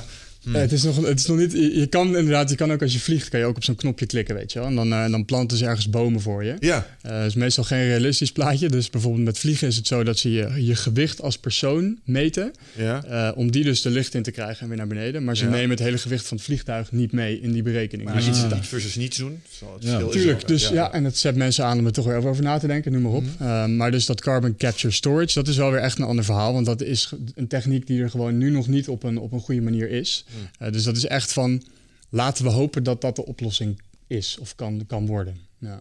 Ja. Dus toch maar voor de, de elektrische bak gaan dan denk ik. Ik ben- ik ben toch de Tesla Roadster. Iets langer doorsparen, maar komt goed. Meer fietsen, langer fietsen. Ben, Ja. jij nu, hoe ben, je, ben jij dan nu... ehm, eh, ben jij gewoon fulltime werknemer? In de zin van, je hebt gewoon een baan als... Nee, het is part-time. Dus ik, heb hier, ik ben net afgestudeerd, dus ik heb hiernaast nog gestudeerd. Ehm, het is 20 uur per week officieel, dus het is gewoon een vrijwilligersfunctie. Ik krijg er ook niet voor betaald. Eh, dus ik ben nu één dag per week ergens anders aan het werken. En ik eh, doe dit nog tot en met eh, oktober. En dan ga ik, ga ik een serieuze baan zoeken. Ja. Heb je iets op het oog wat je wil doen? Ik denk dat ik dus, eh, nou, ik zei het net al even, ik, ik ambieer geen politieke carrière. Zeker niet na deze twee jaar. Ik kom echt uit de... Uit Helemaal op afgeknapt. helemaal op afgeknapt. Ja, ik, kom helemaal, ik kom echt uit de biologie. Ik ben echt eh, ook met die passie voor natuur eh, ben ik, ben ik hier ingestapt. Dus ik ga in ieder geval wel weer een stapje terug doen. In die zin. naar wat meer concreets. Want ik heb wel het, het VN. De VN is heel abstract. Dus Ja. je bent echt over woordjes aan het lobbyen. En daardoor is voor mij de voldoening soms moeilijk te vinden. Want Ja. je, je, weet niet wat er met dat woordje gebeurt of met die speech. Weet je, er zitten wel allemaal mensen te luisteren. Maar wat voor impact heb je er nou echt mee? Ja. Ah, hoe bedoel je? je? Je bent al aan het onderhandelen over woordjes. Illustreer het eens met een voorbeeld. Nou, bijvoorbeeld Parijsakkoord. Daar eh, hebben we, eh, de- dat was net voor mijn tijd, maar mijn voorgangers hebben daar een zin in gekregen in dat akkoord. En dat, dat ging over jongeren, het ging over onderwijs. Eh, en die zin, om die erin te krijgen, dan ga je dus langs alle verschillende landen. En meestal zitten ze gegroepeerd. Dus dan ga je naar de Europese Unie en de African Group en de China en noem maar op. Even voor mij goed, hoe werkt het? Er zit een clubje mensen in de kantine. Oh ja, Dat is de. African Group. Ja. En jij gaat daarheen met je bordje. Mag ik even bij jullie komen zitten? Ja. Eh, ik heb een zin en die moet erin. Ja, nou, Vinden jullie dat goed? Oké, dus iets, niet iets zo. meer schetsen. Nee, dus eh, het is, er komen 30.000 mensen op zo'n top af, meestal. Het is een soort van Olympische Spelen-achtig gevoel. Oké, Het is ja. enorm. Eh, er zijn allemaal protesten en er zijn honderden met zalen waar mensen onderhandelen. Uiteindelijk om alles samen te brengen tot één document. Eh, er zit dus ook een hele ruimte waar alle landen kantoortjes hebben. Ehm, en bij die kantoortjes ga je gewoon aankloppen. Dus het is gewoon letterlijk lobbyen. Dus je, je hebt een tekst en je weet dat er in de onderhandelingen dat dat wel zou kunnen lukken. En dan ga je langs die kantoortjes en dan klop je bij, bij de EU aan. Dan zeg je, mogen we even praten, want wij willen dit voorstellen. Kunnen jullie hiermee Leven. eh, mee leven? Als zij ja zeggen, dan gaan we naar, naar de volgende groep en naar de volgende groep. Maar dus stel ze zeggen ja, wordt het dan ergens op een lijstje gezet van gepinkt? Zij zijn het hiermee eens. Dus is er een lijst van tekstwijzigingen? Want hoe coördineer je dit? Ja, Ik stel me voor dat ja, je daar aan het eind als de gast met een Word-document. Ja, van die mensen om je heen. Ja, dit moet erin en dit moet erin. Ja. Dat is, is inderdaad ook heel lastig. Maar dus dat, dat is allemaal achter de schermen. En zo gebeurt natuurlijk ook de, de, de lobby de andere kant op. Dan ga je de zalen in, de echte onderhandelingszalen. En daar moet dan iemand het opbrengen. Dus dan kan je bijvoorbeeld zeggen: Nederland, eh, wij willen graag dit zinnetje erin. En dan moet iedereen daarmee accepteren. En die lobby de andere kant op. Maar dat vind ik wel interessant. Loopt daar Ja. ook een, een, een soort van evil league rond van eh, zeg maar de Shells en de BP's. En die zijn allemaal, nee jongen, climate change, onzin. Ja. IJsberen, wie heeft ze nodig, weet je wel? Zijn die lui er ook? Vind ik moeilijk te zeggen. Ik denk het wel. Eh, als ik ook kijk bijvoorbeeld op de Nederlandse delegatielijst, dan staat er soms wel eens iemand op van bijvoorbeeld VNO-NCW, wat, waar ook Shell onder valt. Ik zie ze nooit, maar ze, zijn, staan wel op die lijst. Eh, maar je ziet daar heel veel protest tegen. Dus ik denk het wel. En dat is dan vooruit, vooral vanuit de goede doelen. En zij komen eigenlijk altijd met het voorbeeld van de, de WHO, dat is de Wereldgezondheidsorganisatie. en daar heeft, hebben ze op een gegeven moment gezegd: tabaksindustrie, jullie mogen niet meer komen. Jullie zoeken het maar uit, want die, die waren er wel altijd. Ja. Uh, en die zijn gewoon compleet eruit geknikkerd. Want, die, want het argument was: jullie zorgen alleen maar voor vertraging. En eigenlijk willen uh, de, de goede doelen hetzelfde voor de fossiele bedrijven. Omdat die ook zeggen: jullie vertragen de boel alleen maar. Ja. Gooi ze eruit en dan gaat het veel sneller. Ja, want jullie hebben zo'n groot commercieel belang hierbij dat jullie alles in het werk zullen stellen, juridisch en op andere manieren. En je ziet ook bijvoorbeeld bij Shell eh, dat ze vanaf 1964 al wisten van klimaatverandering en jarenlang dat bewust hebben zitten tegen, tegenwerken. Vind je, wat verder van Wigert? Vind je dat dat strafbaar is? Als jij een CEO bent en jij weet dit en jij zegt nee, we're gonna sit on these facts. We gaan het gewoon niet delen met de wereld. Mm. En eh, ja, jammer dan dat er in Bangladesh straks mensen verdrinken Ja, door denk, het, eh, dat interesseert mij niet. ik denk dat die mensen toen, in 1964... Ah, is nog niet zo erg, weet je wel. Dat, eh, niemand, je wist wel dat het gebeurde... Maar je wist ook eigenlijk niet wat het ging doen. Je kan niemand kan immers in de toekomst kijken. Uh, en ik denk wel dat, en uh, dat hebben we hier vaker over gehad, dat als iemand on ontzettend idealistisch ergens instapt en begint in een politieke carrière en dan gaat het op, op visie en ambitie in de wereld beter maken. En op een gegeven moment komt daar, hé, hey, maar ik, ik eigenlijk wil ik ook wel die baan, ik wil ook meer verdienen. En dan komt het ellebogenwerk erbij. En voor je het weet zit je inderdaad ergens 20 jaar. Ja. Zeker vroeger, in even in de jaren 60, als je bij Shell werkte of bij een KPN, dan was het gewoon, dan zat je gebakken, weet je wel. Ja. Uh, ik denk echter wel dat als je over 30 jaar bij Shell werkt, dat je bij een heel fantastisch bedrijf kan werken. Als iedereen de omslag maakt van jongens, dit kan niet meer, het moet, uh, op, het moet op een natuurlijke manier en op een betere manier. Ja, dan denk ik dat als Shell gedwongen wordt om innovatief te zijn, dat wie zijn hun om niet innovatief te zijn? Ja, ja. En dan kan je bij een uh, fantastisch bedrijf werken. En dan kan het ook nog eens een keertje zo zijn dat iedereen denkt, nou Shell, vroeger waren dat, en hetzelfde als uh, Hugo Bos maakte die uh, de uniformen van de SS'ers. Ja, dat weet ook niemand. Waar, weet je? Of Siemens, Siemens maakt oorlogsapparatuur in plaats van wasmachines. En, ja, Goeie marketingactie, jongens. Die switch zou het zomaar kunnen, kunnen hebben. Maar het is, wel, het is wel lastig en het is ook wel een interessante vraag, omdat er dus best wel veel rechtszaken zaken nu lopen. Mm -hmm. van, en dan is echt van een Peruaanse boer die, die een heel groot oliebedrijf aanklaagt. De, de stad New York heeft Shell aangeklaagd door de, de zeespiegelstijging. Er lopen heel veel rechtszaken, ook in Nederland nu. Ja. Um, die de, dus dit toch proberen. Ja. Shell wist het, deed niks, deed zelfs expres het tegenovergestelde. Dus on, onrust zaaien. Ja, Zijn zij verantwoordelijk of niet? En ja, ik ben heel benieuwd wat eruit gaat komen. Ja, maar stel je nou toch eens voor, jongen. Dat, stel, uh, het blijkt echt zo'n... Um, zo'n lawine te zijn van uh, zeg maar dingen die in elkaar grijpen. Mm. De zeecijgelspieging, de temperatuurstijging, het methaan dat vrijkomt, de permafrost die er ineens aangaat. Alles wat ja. op uh, zeg maar uh, Groenland zit, dat smelt. Hup, there we go. Ja. Ga me dan niet vertellen dat er niet op zijn minst, zeg maar, het, het feit dat je daaraan hebt bijgedragen. Dat, ja. je, je kan toch niet anders dan op een gegeven moment dan, iemand dan, aanwijzen en zeggen, maar jij, jij, hebt dit veroorzaakt. Ja, maar dan heb je het over die directeur, of misschien zelfs nu een Trump, die, hè, waarvan we denken, die zit heel veel toneel te spelen, maar op de achtergrond, jongen, worden alleen maar akkoorden getekend waar niemand mm. naar kijkt. Het lijkt echt één grote afleiding. Ja, zo meneer. En met, met Shell precies hetzelfde, met duizenden aandeelhouders. Die aandeelhouders, die, die bepalen vaak wat de directeur gaat doen. Anders verliest de directeur zijn baan. Ja, maar laten we Trump eens als voorbeeld nemen. Want Trump zegt op een gegeven moment, oké, okay, ik ga als Amerika gewoon naar het Parijsakkoord. Nou zijn er dan gelukkig uh, zijn staten die zeggen... Oh, dat is leuk dat jij dat zegt, maar dan doen we het individueel wel. Want ja. uh, wij zijn niet suicidaal. Ja. Maar is dat nu nog steeds een hot item? Wordt hij daar? Want dat is nu een soort nou van Ja, dat was de tegenreactie volgens mij, toch? Ja, precies. Ja, die is heel sterk geweest. Ja, zo van, oh, nou leuk dat je dat zegt, maar we nemen jou van...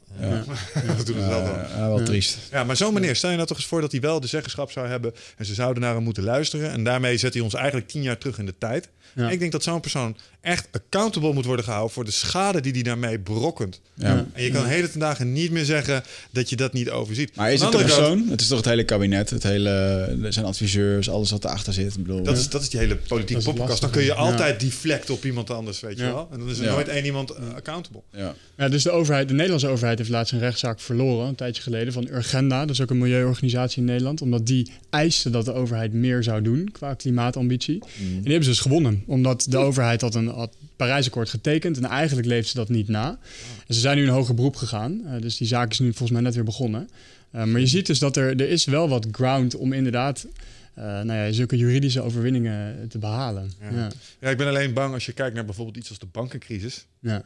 Zijn daar nou echt mensen voor uh, nee. achter tralies te zijn? Nee, volgens mij nee. niet. Dat houdt elkaar allemaal een beetje de hand boven. Ja, en dat vind ik ook lastig wat jij zei over Shell. Van um, uh, straks is misschien een heel mooi bedrijf. Ik denk dat dat ook wel klopt.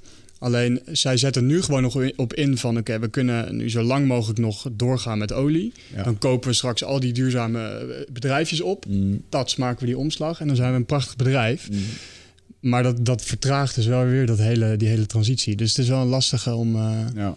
Ja. En ze hebben echt ook middelen om, om mee te strooien. Hè? Want bijvoorbeeld, stel er is een leuk clubje dat een innovatie heeft dat potentieel iets zou kunnen doen. En zij kopen dat op. Ja, ja sta maar zo sterk in je schoenen dat jij zegt: Oh, half miljoen ja. Gaan we niet doen. Ja. Mm, ja, ik kan me voorstellen dat je dat dan doet. Ja, tuurlijk. Ja, ja. Iets waar ik nog aan moest denken, hè, want, want, want het gaat nu over geld. En uh, je had het over... Um, een, van de, een, een, derde punt waar jij in je speech over had, was, was gelijkheid. Ja. Uh, niet alleen van gemarginaliseerde groepen, denk ik, maar ook ja. binnen de wereld. Ja. En wat ik me telkens zo kan voorstellen is dat... Ja, is leuk joh, als je tegen Michel hebt over... Nou, misschien moet hij een stukje vlees minder eten. Mm. Um, en moet misschien met een elektrische auto gaan rijden. Nou, daar kan ik wel meekomen en zo. Dat begrijp ik wel. Maar stel je woont in Bangladesh... En je hebt al helemaal niks. En dan komt er plots iemand uitleggen... ja, jij moet nog minder consumeren of anders of bewuster gaan leven. Mm. Maar anders gaat het niet goed met de wereld. en dan zit je dan met je plastic zak boven je hoofd... bij wijze van spreken, het water komt... Ja, lachen dan. Dan moet ik Ja. nog meer gaan inboeten. En Dus die persoon die zal altijd gaan voor zijn economische groei in eerste instantie. Maar toch zijn er dat soort landen die wel... En ik geloof dat de, de Congo en zo, dat soort landen... die hebben plastic helemaal verboden nu of zo. Ja, Kenia ook. Kenia ook. En- ja, maar het punt dat ik ja. probeer te maken is... hoe ga je die mensen die het al heel moeilijk hebben... Mhm. eh, er- ervan overtuigen dat het eh, handig is... om misschien op sommige stapjes nog wel een stukje terug te doen... Ja. Terwijl er ook een stukje verbetering van de kwaliteit van leven is... die dan minder ecologisch en duurzaam is. Ja. Hoe verkoop je dat aan die mensen dat ze dat dan Ja. maar niet moeten doen? Ik denk dat je dat niet gaat lukken. Nee, maar ik- dus ik ben het ook niet mee eens. Ik denk ook niet dat dat, dat de boodschap moet zijn. Ehm, in Nederland hebben wij een voetafdruk die is twintig keer, misschien nog wel meer, zo hoog als iemand in Bangladesh. Dus dat is Ja. niet vergelijkbaar. Dus eh, ik denk dat mijn boodschap daar vooral was. Ik heb ook wat, wat cijfers opgeschreven om je een idee te geven. De, de wereldproductie per jaar, dat is een heel vaag begrip, maar dat is 127 biljoen dollar per jaar. Nou, wat, wat is dat? Dat is natuurlijk heel eh, lastig, maar dat is 17.000 dollar per persoon per jaar. Is dat er wordt aan... er gemaakt in de wereld. Dat is natuurlijk makkelijk genoeg om klimaatverandering op te lossen, om armoede de wereld uit te helpen, iedereen aan healthcare en education te krijgen. Maar acht mensen, de rijkste mensen op de wereld, hebben evenveel als de helft van de wereldbevolking. Dus die 127 gedeeld door de helft ligt in de handen van acht mensen. Ja. Ja, ja. That doesn't sound fair. En, en nee, precies. En, en, nou, dus er zijn allemaal berekeningen. En dat is ook wel het, positieve verhaal van het kan wel. Eh, er is 3,3 biljoen per jaar nodig om, om nou, die klimaatverandering tegen te gaan. Armoede de wereld uit te helpen, noem maar op. Dan heb je het natuurlijk niet over conflicten, want dat is altijd een wat lastiger verhaal. Maar in principe zou dat moeten kunnen. Eh 20 biljoen per jaar gaat, naar belasting, gaat via belastingparadijzen, waardoor er geen belasting over, over eh, eh, ge- geheft wordt. Dus dat is eigenlijk al bijna vijf keer het bedrag dat je Ja. nodig hebt om het probleem te tackelen. Ja, 13 biljoen per jaar gaat naar militaire eh uitgaves. Eh, dus het geld is. We zijn best wel een rijke planeet qua grondstoffen, qua energie, noem maar op. Alleen het is in die zin zo ongelijk verdeeld. eh, dat die rijkste, die willen alleen maar rijker worden. Dus het is wel mooi. Iemand zei op een gegeven moment: There seems to be no limit to the greed. Nou, dat, dat zie je heel erg bij die mensen. Die willen gewoon nog meer en nog meer en nog meer en nog meer. Als bioloog, nou, kun je ze dat kwalijk nemen trouwens, vind jij? Als bioloog. Ja, want je bent natuurlijk uitgerust als Hmm. aap met Ja. een smartphone met een bepaald schaarste principe. Dus Ja. ja, nemen, Ja. nemen, nemen. Ik bedoel, je slaat vet niet zomaar op. Ja, Het is omdat je, dat je ergens op een onderbewust niveau weet, Ja. morgen heb ik misschien geen eten. Vind ik een hele interessante vraag. En ik, eh, ik zit daar ook steeds meer over na te denken. Gewoon puur uit ge- gedragsbiologie. En kijken naar, naar eh, apen. Ehm, de- er wordt nu veel gezegd, bijvoorbeeld economische groei, moet op, het moet gewoon op een gegeven moment af gaan nemen. Want we eh, zitten op een gesloten systeem. Dus constante groei kan eigenlijk niet. En je ziet dat ook wel in de natuur, maar dat zijn dan meestal pestsoorten of het is in je lichaam. En als er iets blijft groeien, dan heet dat een Roofbouw, kanker. gewoon roofbouw. Ja. Ja, eh, en, en dat werkt niet. Maar eh, natuurlijke selectie en, en ons hoofd is natuurlijk wel ingesteld op competitie, op, op winnen, de beste zijn. We willen het beste voetbalteam zijn, noem maar op. Ehm, dus ik vind, dat, ik vind dat wel een lastige. Of dat eh, biologisch gezien zal dat niet onze eerste reactie zijn. Maar ik denk wel dat als je erover nadenkt, en ook zo iemand kan nadenken, dan kan hij zich hopelijk wel beseffen van... oké, dit zijn mijn oerdriften. Oké, ik moet zoveel mogelijk geld verdienen. Maar als ik daar even bij stilsta, dan is dat eigenlijk belachelijk. Ja, maar een, een Bill Gates laat zien dat mensen in die posities dat kunnen. Ja. Alleen ik denk ook dat Bill Gates misschien niet een... eh, eh, je hebt persoonlijkheidstypes, ook aan de Ja. top. En er zijn Ja. bepaalde persoonlijkheidstypes, dat zien we, Wigert en ik in onze samenwerking. Ja. We doen dezelfde dingen. We zijn compleet anders geconfigureerd in hoe we Ja. naar de wereld Mm. kijken. Snap Ja. je? En ik kan me levendig voorstellen, als ik op zo'n positie kom of power... Mhm. en er is een infinite stream of cash... Mhm. Deze biologische machine, once more. Ja. Weet je wel? ja, ja, ik ga privéleger stichten, dan kunnen ze me nooit meer afpakken. Weet je wel? Dat, zo ga ik dan denken. on- Maar dus na, eens, een, eh, na een goede dag van bezinning en, en, eh, en met mij gepraat te hebben misschien. Maar, nou, ja... Onlangs hoorde ik ook Ik zou, hele- ik zou het moeten onderdrukken. Ik- want, ja. het- want de neiging zou er zijn. Ja. Onmiskenbaar. Ja. Ja. Ja. Onlangs hoorde ik een hele mooie, daar moet je ook maar eens over nadenken. Als je nou al het geld van heel de wereld zou verzamelen... en je zou iedereen 2000 euro geven... of 100 euro, maakt niet uit. Iedereen geeft iedereen, je geeft iedereen Ja. een gelijk amount. Dan zul je zien dat het geld wat nu bij de mensen is die eh, het meeste geld hebben... heel snel terug gaat vloeien naar de mensen die nu het meeste geld hebben. Want dat heeft ook gewoon te maken met eh, omgaan met Ja. geld. Ja. Weet Ja. je, mensen Ja. die in tekort zitten of die het gewoon, eh, die het gewoon niet geleerd hebben. Als je het spelletje van geld door hebt, dan Ja. kun je heel makkelijk geld verdienen. ja. Ja, dus Ja. wat je zegt is als we nu zeg maar, eh, we drukken op een knop, pap, we verdelen alle geld gelijk, zeg maar. Kwestie Ja. van tijd ligt Ik het weet, zo weer op zeker, ik weet zeker dat binnen, Ja. binnen een jaar ziet je, Ja, zie je de verschuiving alweer van... hé, hey, dan gaat het daarheen. Ik denk dat je daar goed, echt gelijk in hebt. Ja, alleen het hangt natuurlijk vanaf hoe groot die verschuiving is. En je ziet nu ik, bijvoorbeeld, bijvoorbeeld die belastingparadijs. Het is natuurlijk bizar dat er 20 biljoen per jaar van de, de, de rijkste bedrijven, de rijkste mensen ter wereld, die hoeven dus ook nog ineens belasting te betalen en wij allemaal wel. Ja. En eh, die verschuiving is ook goed, dat, dat hoort. Je, je hoort eh, verschillen te hebben. Alleen eh, de grootte van het verschil nu is, is bizar. ja, want dat is ook wel altijd een ding als het gaat om, om gelijkheid, zeg maar. Ehm, dat, dat is een, er- sommige mensen die vinden dat niet leuk om te horen, maar ik geloof niet in equality of outcome. Mhm. Zit jij vaak in je hoofd? Eh, neem je heel veel informatie tot je video's, podcasts, boeken? Eh, nou, voel je niet schuldig, dat doen heel veel mensen natuurlijk. Maar vaak zijn we op zoek naar antwoorden.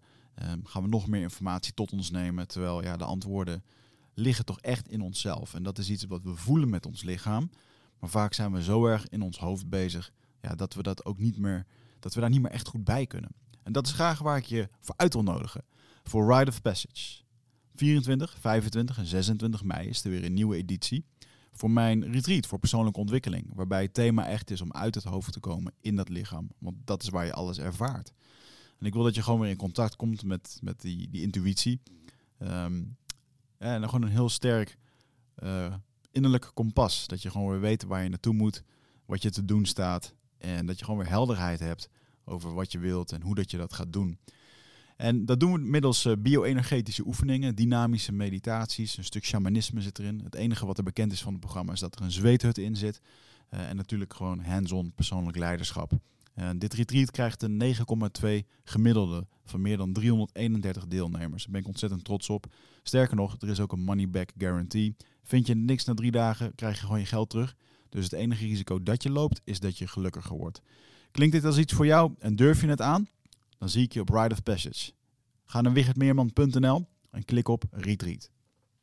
Dus wij kunnen gelijk beginnen, Ja. maar het is niet gegarandeerd en ook niet nodig dat jij en ik gelijk eindigen. Want dat is compleet gekoppeld aan onze effort, ons genetisch pakket, eh, dat soort dingen. Ja. Hoe kijk jij daar tegenaan? Ja, nee, ik, ik ben ook geen communist, dus ik... eh, ik Nou, eh, ja, dat, dat is het. Ja, dat gaat heel snel richting het socialisme. Ja. Ja, nee, dus, nee, dat denk ik ook niet. Nee. En inderdaad ook van- vanuit biologie. Je hebt gewoon in een, in een apengroep heb je ook hiërarchie. En de een is de baas en de ander niet. Mhm. noem maar op.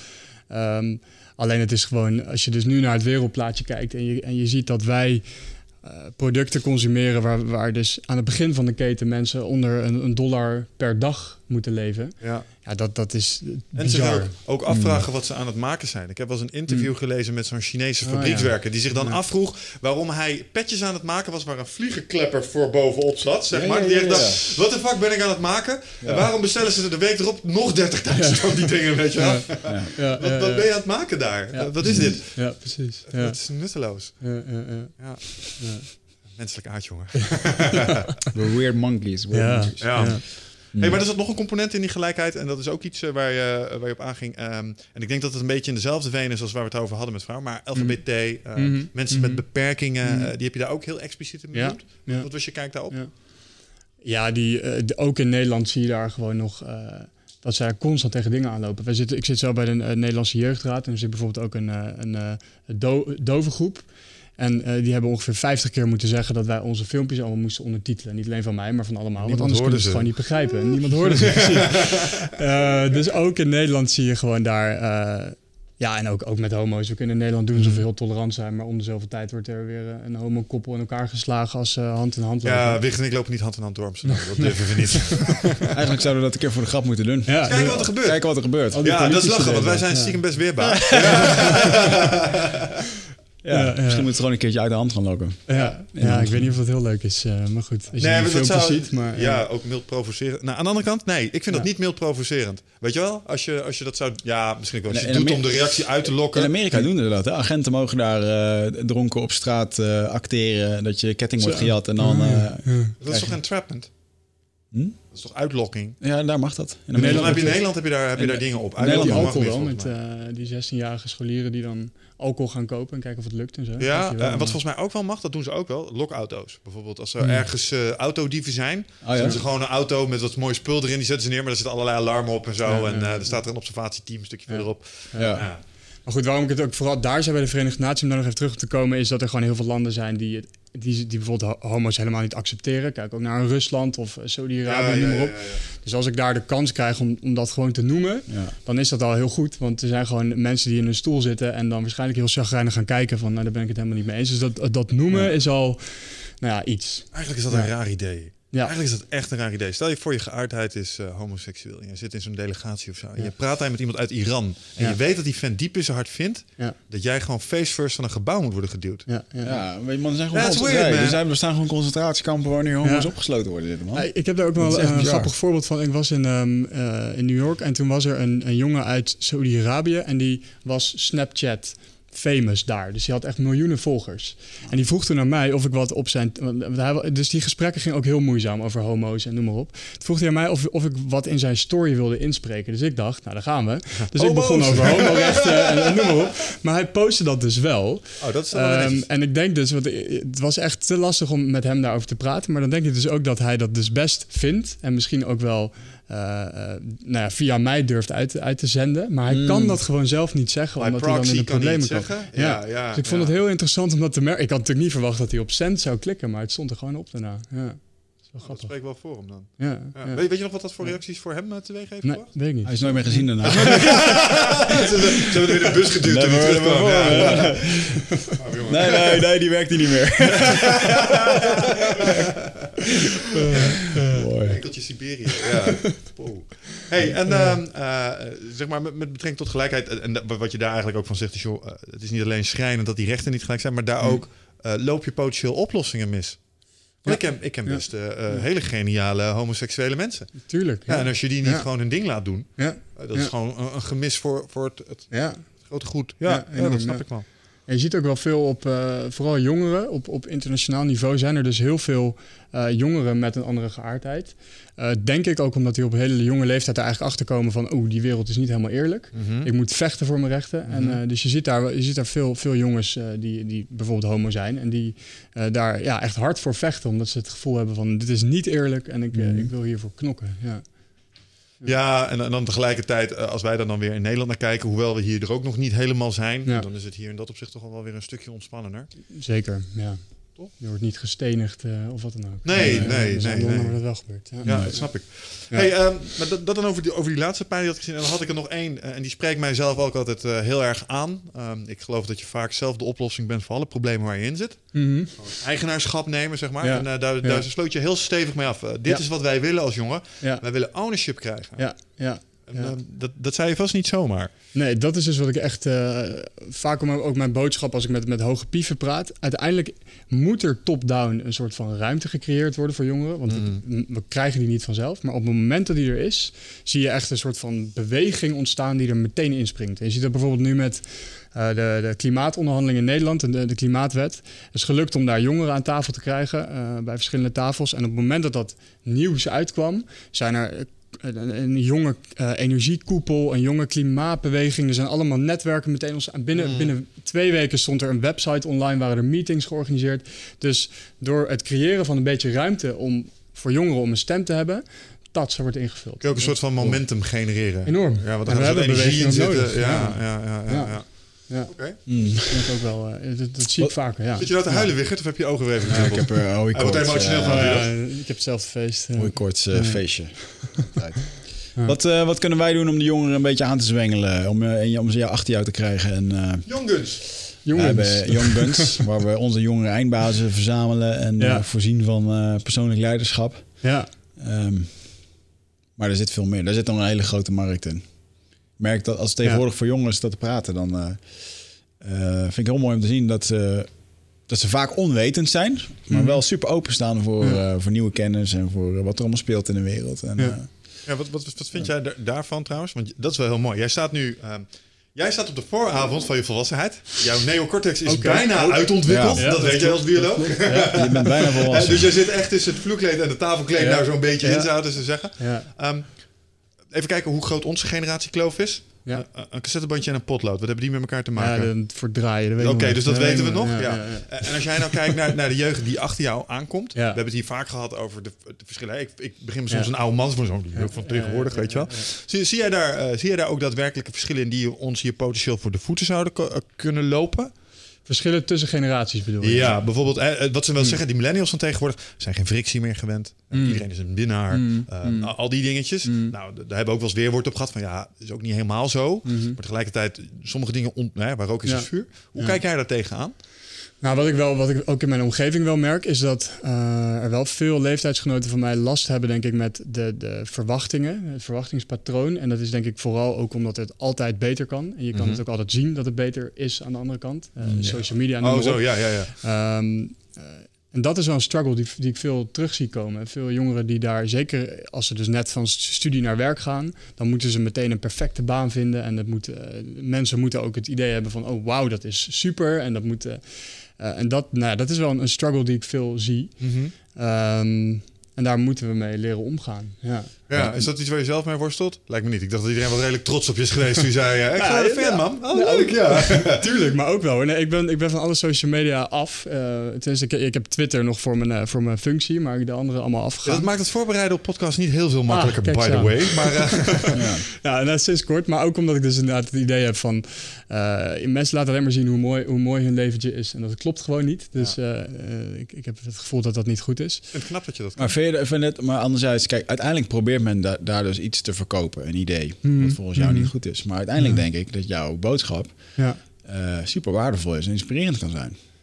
Ja, dat is waar. Dus Ontkom jij, ontkom jij niet aan social media, is volgens mij de vraag. Ja, Ja, dus dan de- van, ik zou er dubbel op inzetten. Ja. Oh, als je Ja, dus we, dus we hebben ook wel, we hebben een jongerenvertegenwoordigers Facebook en we hebben een jongerenvertegenwoordigers YouTube en zo. Maar dat is ja, meer, meer dat is een Ja, maar dat, dat, dat, dat volg ik niet. Dat vind ik allemaal Nee. veel te stoffig en veel te Ja, houden. Maar ja. dit is inspirerend. ja, ja, weet je? ja, ja, ja. Gewoon jij die naar eh, Ja. die conventies Ja. gaat en dingen Ja. achter Ja. de Ik schermen. wil jou kunnen volgen Ja. op Instagram. Ja. Ik wil zien hoe jij je vertaalslag maakt naar de duurzame, eh, duurzaam leven, zodat ik het kan kopiëren. Ja, ja, En daarmee doe jij een soort van van mijn denkwerk. Ja, Ja. En ik snap lastig- de frustratie, Ja. want ik voel hem zelf ook. Ja. Want eh, wij, Ja. wij hebben ook eh, zoiets van, ja, nou dan willen we wat eh, gaan bewegen, bewegen in beweging brengen. Ja, je ontkomt niet aan social media. Want ik, Ja. als ik mijn spullen niet eh aanprijs zo af en Ja. toe, Tuurlijk, dan, ja, dan wordt het niet verkocht. Ja, ja. Dus dat, ik kan me voorstellen dat dat een spanningsveld is nu. ja. Ja. Vind ik ook lastig, want ik, ik, wil ook, ik wil graag mensen inspireren. Dus eh, nou ja, ik moet even kijken hoe ik daar een Ja. eh, balans in kan vinden voor mezelf. Een Maar, keer, dat is misschien wel interessant voor jou om te kijken. De, een presentatie. Moet ik even kijken. Volgens mij van de meneer die heeft een boek geschreven, Deep Focus. Kotler. Nee, over eh, vier aspecten. Over hoe je. Het gaat erover dat je langere termijn focus kan hebben. Ik ga het boek Hmm. voor je opzoeken. Want die heeft ook Ja, een presentatie thanks, gegeven ja. waarin, hij aan, waarin hij inderdaad zegt. eh, social media kappen mee. Want Hmm. eh, je wordt ook gevonden buiten dat. En dat is ook, deze man is ook gevonden door de optredens die hij her en der doet. En Ja. de waardevolle informatie die hij geeft. Ja. En die is, die is daar heel fel in dat je uiteindelijk als je al die tijd besteedt aan iets productiefs en niet goeds, dan vroeg of laat dan word je ook wel gevonden. Het Dat is, niet, goed ouderwets productmarketing. Ja, Als het product maar goed genoeg is, dan Ja. verkoopt het zichzelf wel. Ja, ja. ik, ga, Ik zit, daar, ik zit daar dubbel in, merk ik. ja.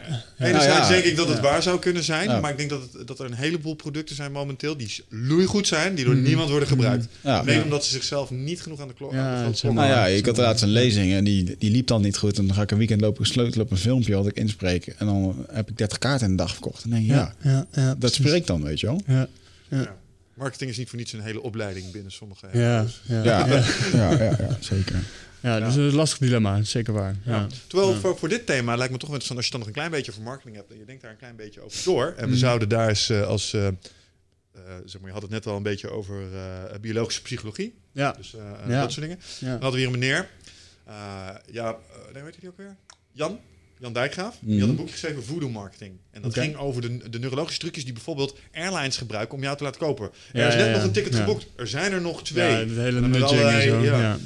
En dat- als ik daar dan over nadenk en je zegt, nou, we hebben een boodschap die willen we Mm. uitdragen. We willen mensen gedrag laten veranderen. Mhm, mhm. Misschien kunnen we dat soort technieken ook gaan Ja. inzetten om positieve gedragswijzigingen Ja. door te gaan voeren. Ja, ja, gebeurt ook wel, maar het gebeurt dus ook de andere kant op. Dus eh, je hebt ook de, de vliegtuigmaatschappijen en Ja, de- ja, die. Eh, maar ja, je hebt wel er zijn heel veel studies naar, oké, hoe kan je dit nou laten landen? En het is gewoon super complex, is omdat het zo abstract is. Je voelt het niet fysiek. Het is in de lucht ergens daarboven. Het, eh, Oké, de temperatuur wordt warmer over tientallen jaren.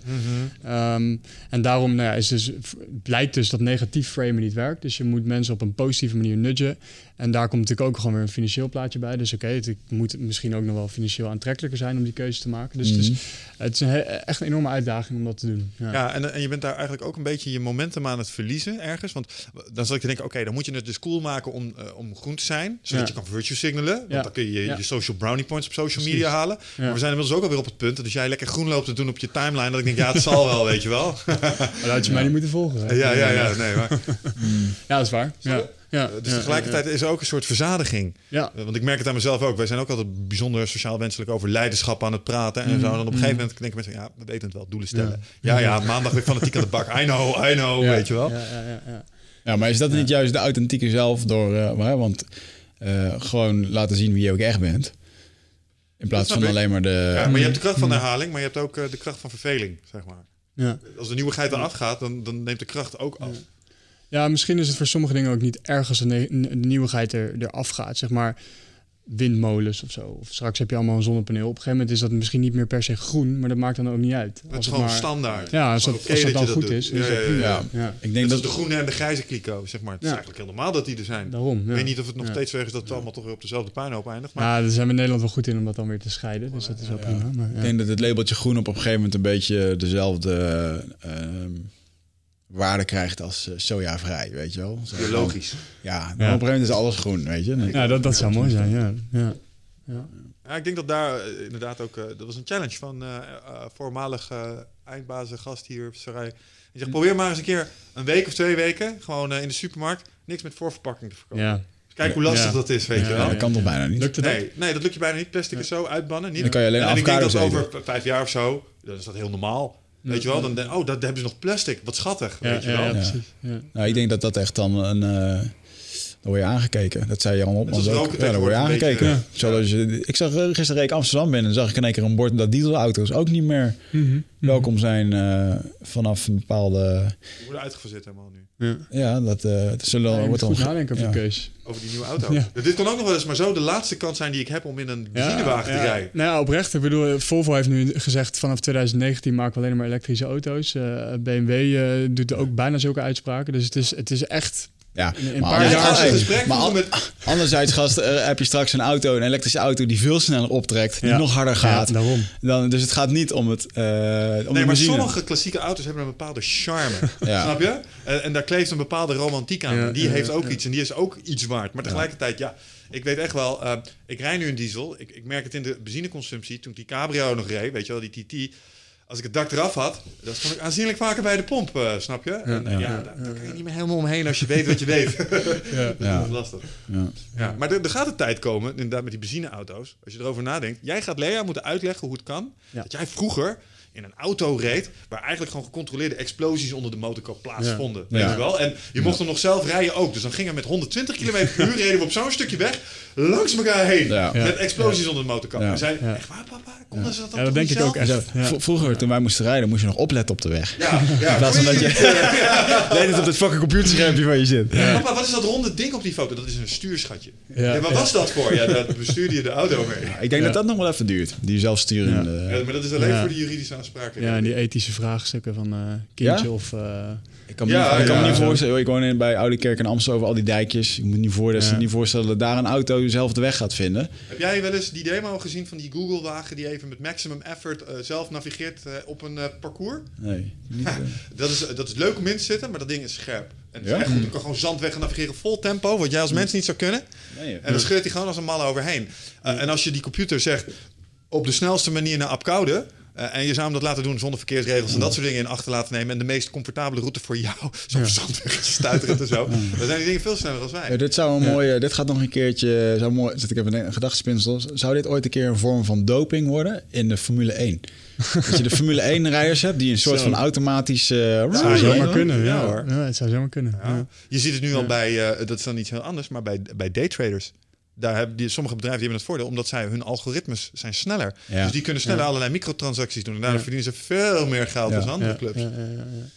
Volgens mij heeft Elon, spelen, denk ik. Elon Musk heeft gezegd dat die auto's dus nu al vier keer of vijf keer zo veilig zijn als een menselijke driver.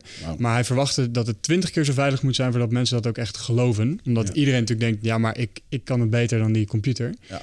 Maar eh, ja, dat kan ook hard gaan. En het is ja. nu al twee keer misgegaan. Ja, En dan denk ik, het is maar twee keer misgegaan. Als we dat even naast Ja, de alle precies. keren dat de mensen het zeg maar verkloten zullen Ja. zetten, Ja. luistjes langer. precies. ja. Uh, uurlijks. Zit jij erop te wachten, een zelfsturende auto? Zeker. Ik kan niet wachten, dat gaat mijn leven redden. Ik vind het nu soms moeilijk om mijn telefoon eh er vanaf te blijven terwijl ik aan het rijden ben. Ah, zo, Ik ben zo'n idioot die nog wel eens eh, even wil kijken. Ja. Nee, moet je niet doen. Dit is hoe je Ja. doodgaat. Ja. Ehm, ja, maar de- als ik de 100 wil halen, dan eh zelfrijdende auto. Ja, ja. Ik heb, denk dat ik zojuist besloten heb. En motors dan?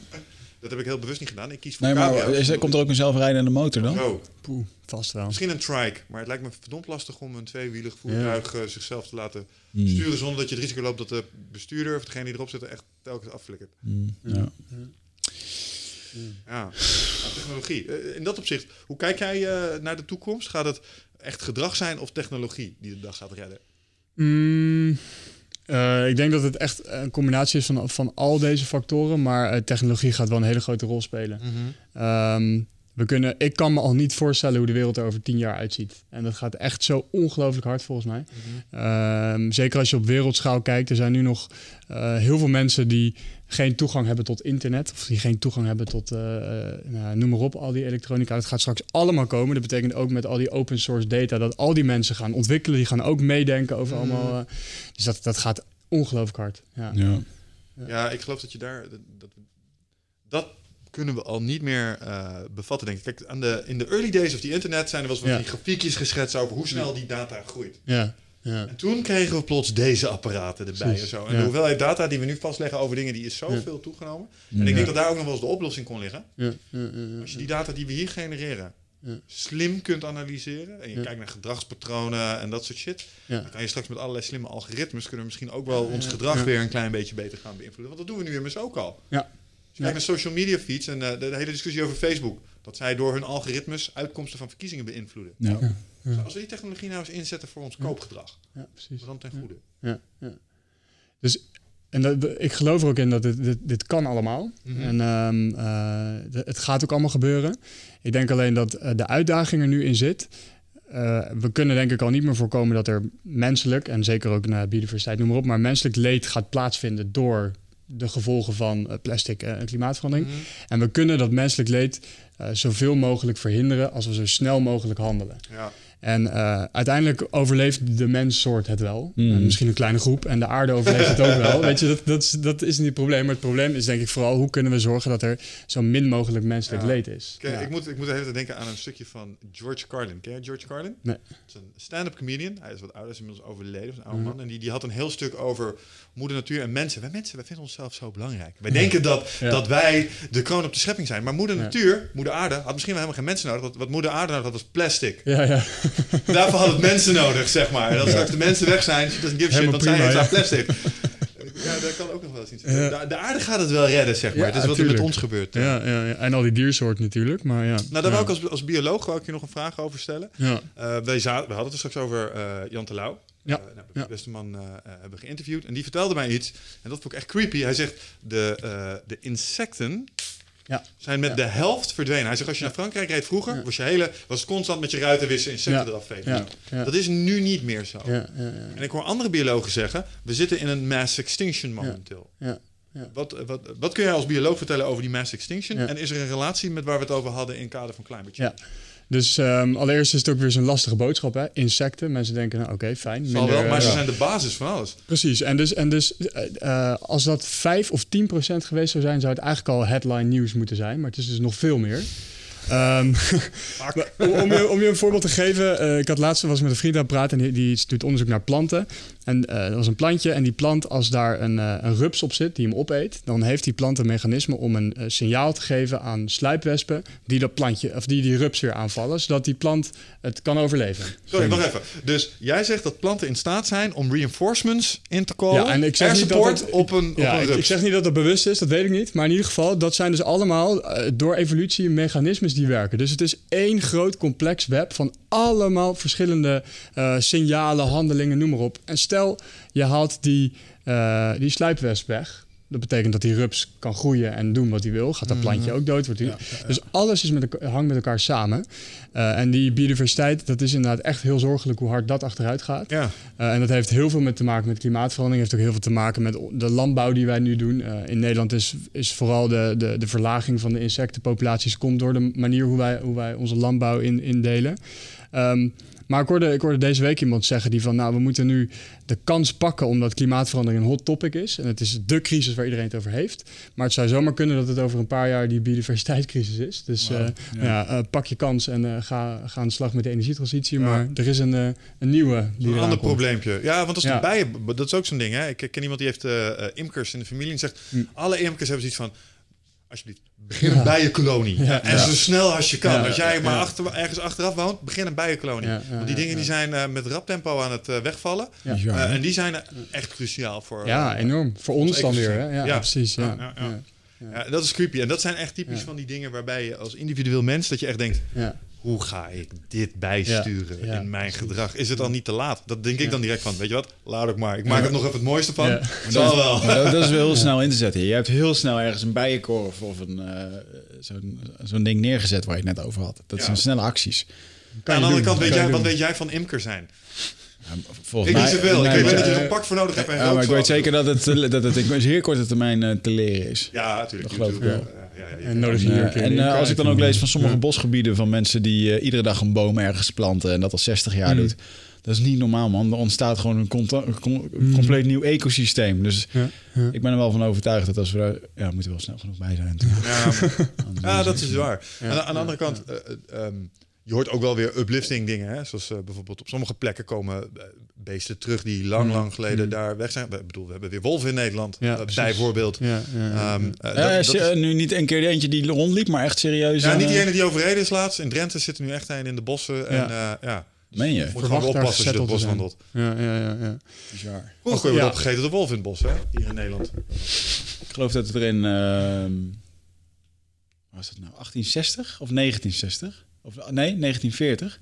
Dat in de buitensteden van Parijs zijn er 33 mensen aangevallen door een groep wolven. Ja, wow. Dat is niet lang geleden. Ja. Ik, Joe Rogan heeft dit ooit een keer verteld. Ik kwam heel vaak op dit verhaal. Toen heb ik dat gegoogeld. Maar het zou 1860 kunnen zijn of 1960. Mm, ja. We hoeven niet zo bang te zijn voor deze... Nee. Nee. nee. nee. Maar, maar desondanks, weet je, uh, aan de andere kant, het gaat ook wel weer heel goed. En wat ik daar zo interessant aan vind, is dat als je het hebt over die verwevenheid. Ja. Ik heb een keer een filmpje gezien, volgens mij was dat van National Geographic. Wat er gebeurde op het moment dat ze wolven weer toelieten in een gebied. Ja, met het hele ecosysteem. Want Ja, ja, er was een beveroverschot en die bouwde alles vast met dammen en Ja. zo. En uh, toen hebben ze die, die wolven, die, of iets dergelijks. Maar dat, dat Ja. hele landschap veranderde binnen een tijd van mum Ja. omdat ze daar een paar dieren weer toevoegden. Dus toen dacht ik van, oeh, dat is interessant. Want als je dus een paar uithaalt, Ja. dan krijg je soort gelijke wijzigingen, maar potentieel Ja. niet ten goede. Ja. Ja, dus dit, dit is het voorbeeld van Yellowstone National Park. Ja, Oké. dat is echt... Zat eh, dat precies? Ja, dat is precies wat je dus ook zegt. En de, de rivieren waren helemaal eh, vergiftigd en er waren te veel herten, want die werden niet meer bejaagd. En die gingen daarom, konden die op open velden lopen, want die hoefden zich niet meer te verstoppen in het bos. Nou ja, en, en alles had dus daar inderdaad mee te maken. En die, die wolven kwamen terug, die herten moesten zich weer verstoppen in het eh, bos, waardoor dat gras wat meer struikjes kon gaan krijgen, waardoor er weer andere beesten terugkwamen. En uiteindelijk zorgde dat voor dat dat ecosysteem nu Ja. weer helemaal stabiel is. Dan moeten dat de goede eerste weken zijn geweest voor die Ja. wolven die daar aankwamen. Echt zo, wat Dat is is, een is dit dan, weet je wel? Loop in het buffet. Ja, ja precies. Ja, ja. Ja, grappig. Ja, maar eh, gewoon om aan te geven dat die, die- dat die onderlinge complexiteit is, is zo groot. En, is enorm, ja. Ja. en, dat, en dat, dat stemt mij dan tegelijkertijd nog wel eens pessimistisch over de mogelijke oplossingsrichtingen. Want onvoorziene, eh, onvoorziene consequenties. Eh, ik heb ook wel eens nagedacht over eh, bijvoorbeeld wat ze met die ozonlaag bedachten. Dan kun je creatief worden. En wij als mensen kunnen allerlei dingen in de, in de... Je kunt op sommige plekken laten regenen, hè? Kunnen ze. Hebben ze Ja. middelen voor, laten ze gewoon regenen. In China, ja. Ja. Alleen je weet dan weer niet wat er, wat er gebeurt nu je die vocht daar weggehaald. Misschien Ja. verzamelt het zich elders wel weer niet. En dan wordt het Ja. daar ineens super droog. Ja. Hoe werkt dat dan? En dat is zo Ja. ongelooflijk complex eh, Ja. dat ik me wel eens afvraag of wij in staat zijn om die modellen ooit onder de knie te krijgen om Ja. dat echt te gaan Ja. sturen. Ja, dat is zeker waar. Ik weet ook niet of dat. dat- nou, er komt natuurlijk ook weer die hele technologische revolutie. Misschien kunnen we dat op een gegeven moment modelleren. Ja. Maar er is wel ook al heel veel bekend. En we weten van heel veel dingen dat ze niet goed zijn en we doen ze toch. Dus eh, er is ook gewoon wel een deel wat, waarvan we weten dat het niet eh, goed is. Zoals nu met die insecten. Ja, we kunnen best wel eh, raden dat het niet een goed idee is. En toch gebeurt het. Ja. Mm, mm. Ben je wel optimistisch over de toekomst? ja, ik ben wel optimistisch. Dat ben ik er altijd blij om te horen. Jan Rotmans was dat ook. ja, Ja, ik ben wel optimistisch. Ik denk, uh, we, we zijn slim genoeg om deze uh, uitdagingen op te lossen. Mm. We weten hoe het moet. Het moet alleen nog gebeuren. Mm. Zeker met die energietransitie. We weten gewoon hoe het moet. Maar er zijn een aantal dingen zoals die lobby van die fossiele industrie, zoals die superrijken en die, en die uh, belastingparadijzen, noem maar op. Als, als, als die dingen verschuiven, dan kan het heel hard gaan. En, is dat iets wat we, uh, is dat een wijziging die we kunnen doorvoeren zonder een uh, radicale power shift? Met andere Mm. woorden, zijn wij in staat om die 8% van de mensen van te zeggen, hey, Mm. doe is niet. Ja. Weet je, als jij een privéleger hebt, Ja. Blackwater, ja. Ja. Weet je, Ja. ik zit hier in mijn mansion achter mijn hek, kom maar. Ja, nou, ik denk- ja, nou ja nou, als, ik, als ik jou mag geloven is dat lastig. Want eh, jou, eh, jij, jij zei ook van, eh, dan, moet, dan moet ik echt tegen mezelf eh, in, eh, Ja. ingaan.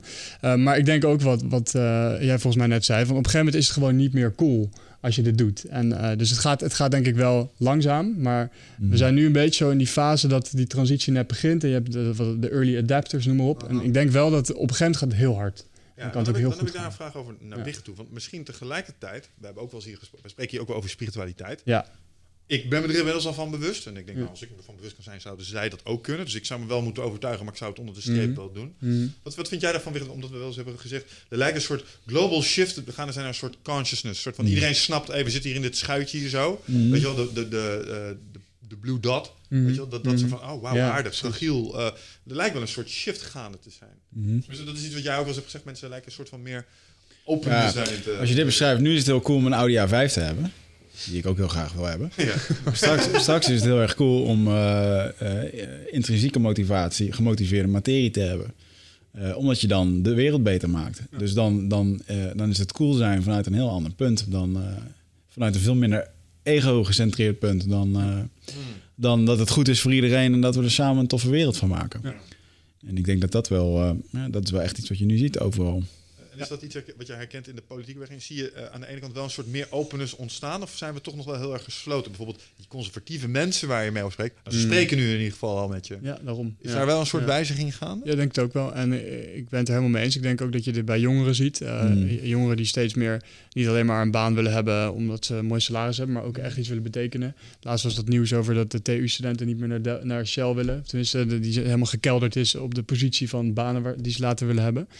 Ehm, en inderdaad, in de politiek, eh, je zal het niet geloven, maar volgens mij tien jaar geleden ontkende de VVD klimaatverandering nog. Ze zeiden dat bestaat niet, dat doen, doen we niet aan. Hmm. En nu eh, hebben we Nee. minister Wiebes van eh, Economische Zaken en Klimaat, die toch echt wel daarmee bezig is. Ja, Dus, Ja. zou toch wel iets van... ja, dus je, ziet- je ziet zeker ook eh, aan die, aan die flanken een verandering. Ja. Ja. VVD is wel de meest wisselende partij. eh, Dat, het zou zomaar Ja. anders kunnen zijn, ja. ja. En we hebben natuurlijk Thierry Baudet en die eh, ontkent het wel allemaal nu nog. Dus eh dat We hebben climate nieuwe. change deniers in Nederland. Ja, Thierry Baudet, die zegt, eh is allemaal niet waar. Ja. Ja. Wat zijn hoofdargumenten? Nou, laten we die kans eens belichten. Wat is het hoofdargument van een climate change denier om te zeggen is bullshit? Dan komen Mhm. ze met de, so- met de solar sequence aan en dat soort dingen? Ja, ik heb me hier wel eens in verdiept en het is wel, het is wel echt heel interessant. Wat voor argumenten ze meekomen is bijvoorbeeld CO2 is plantenvoer, dus het is alleen maar goed voor de, voor de planten, wat ook zo is. Maar, maar eh, een plant heeft meer nodig dan alleen CO2. Eh, ze komen met, eh, het, het verschilt een beetje, maar ze komen met verhalen van... eh, de zon heeft een veel grotere invloed. De zonnekracht. Dus eh, de zon maakt ook Nou, een eh, ja. cyclus. Is ook zo. Ja, ik wou net zeggen, laatst een JRA geluisterd waar meneer dat over had. Ja. solar matter excretion of zo. Echt Ja. zonnevlammen die Ja. de Ja, hele... ja. Als, we- als we dat hier nou zouden krijgen, is de hele Ja. beschaving gewoon gone omdat elke elektronisch apparaat is weg. Ja. maar sowieso verbranden we over een paar biljoen jaar. Ja, dat gaat sowieso. Ja, oké. maar tegen die tijd hebben wij ruimteschepen, komt goed. Ja, Ja, maar dus de zonnekracht is nu afgelopen de laatste paar jaar en de temperatuur is gestegen. Dus het is, het, het is wetenschappelijk is er echt geen twijfel over mogelijk. Waarschijnlijk heeft Jan Rotmans dit ook wel gezegd. Ehm, eh, en als je dus helemaal teruggaat naar waar, waar komen die sceptici en die ontkenners nou vandaan, dan ligt dat vooral in Amerika. En dat ligt dan echt nog bij de groep eh, libertariërs, de free market, eh, zo min mogelijk overheid die, die ingrijpt. Ehm, en dat stroomt gewoon niet, die ideologie, met eh, een thema zoals klimaatverandering of, of wat dan ook. CO2-tax, Ja, precies. ja, want je, moet, je hebt gewoon een overheid nodig die ingrijpt. Mm. Eh, en dus die waarden zijn gewoon niet te matchen als je compleet gelooft in, in eh, het libertarisme en een free market. Dus nou ja, van daaruit gaan er dan weer heel veel denktanks en heel veel geld en, en geldstromen en, en de, de lobby begint dan. En die hebben gewoon een hele professionele communicatie opgezet om allemaal constant maar skepsis te zaaien. En daar zijn, Mm. ze, zijn ze heel goed eh in ge- Ja, maar dat is gewoon Ja. misinformation. En dat is waar we Ja. aan het begin ook over hadden. Ja. nou, je komt erachter, ze wisten het al die tijd al. Ze hebben Ja. zo hun best gedaan om het te verstoppen. Ja. Mm. Dus dan, dan moet je zo'n meneer toch op een of andere manier verantwoordelijk Ja. stellen voor wat hij Ja, daar vind gedaan ik ook. heeft. Ja, vind ik ook. Ja. Ja. Hoe, hoe slaap je dan? Als je weet dat de wereld echt naar de tering gaat en jij staat daar in je mansion en je kijkt, ja, zal mijn tijd wel duren Ja, of zo. ja, Is dat het? Ja, maar dan, eh, dan, dan denk je dat niet, anders doe je dat niet. Nee? Dus dat bewustzijn is er gewoon niet. Dus er zit nergens iets in die mensen hun hoofd van, oh, mijn kleinkinderen zouden maar zo eens geen, eh, geen schoon drinkwater Nee, kunnen want eh, hun hebben een bepaalde wereld voor zichzelf gecreëerd waarin dat niet gaat gebeuren. Ja, het oké. niet het dat het met jouw kinderen gebeurt, is zwaar. Maar mijn kleinkinderen hebben een trust fund, dus Ja. dat komt wel goed. Ja, of het gebeurt gewoon echt niet in hun ogen. Eh, In Amerika, joh, ik ben vorig jaar naar Amerika geweest en eh, een heel tof retreat, hele eh, toffe mensen leren kennen, maar ook echt gewoon wel weer even in een restaurant zitten luisteren naar een aantal Amerikanen. En dan denk je echt, maar wat hoor je dan waarvan jij denkt, jeetje, nou ja, we hadden een wapendiscussie over, eh, Oh ja, de arme. eh, het ging over, eh, we, hadden het met, we waren net naar de schietmaan geweest, gewoon lachen, knallen. En toen spraken we daar ook met een, eh, eh, onze taxichauffeur was een agent. Hmm. voormalig agent. En toen hadden we het ook over verkiezingen. En eh, wij zijn hier allemaal anti-Trump. En hij had gewoon ja, Trump gestemd, weet je wel. En dan had hij daar hele goede dingen over. Want ja, Hillary, Hillary was ook allemaal achterbaks en eh, noem het op. Toen ging het over die wapens. En toen zei hij van, joh... Er zijn nog steeds heel veel mensen, en vooral die hier in de woestijn leven in een, eh, in een fucking camper...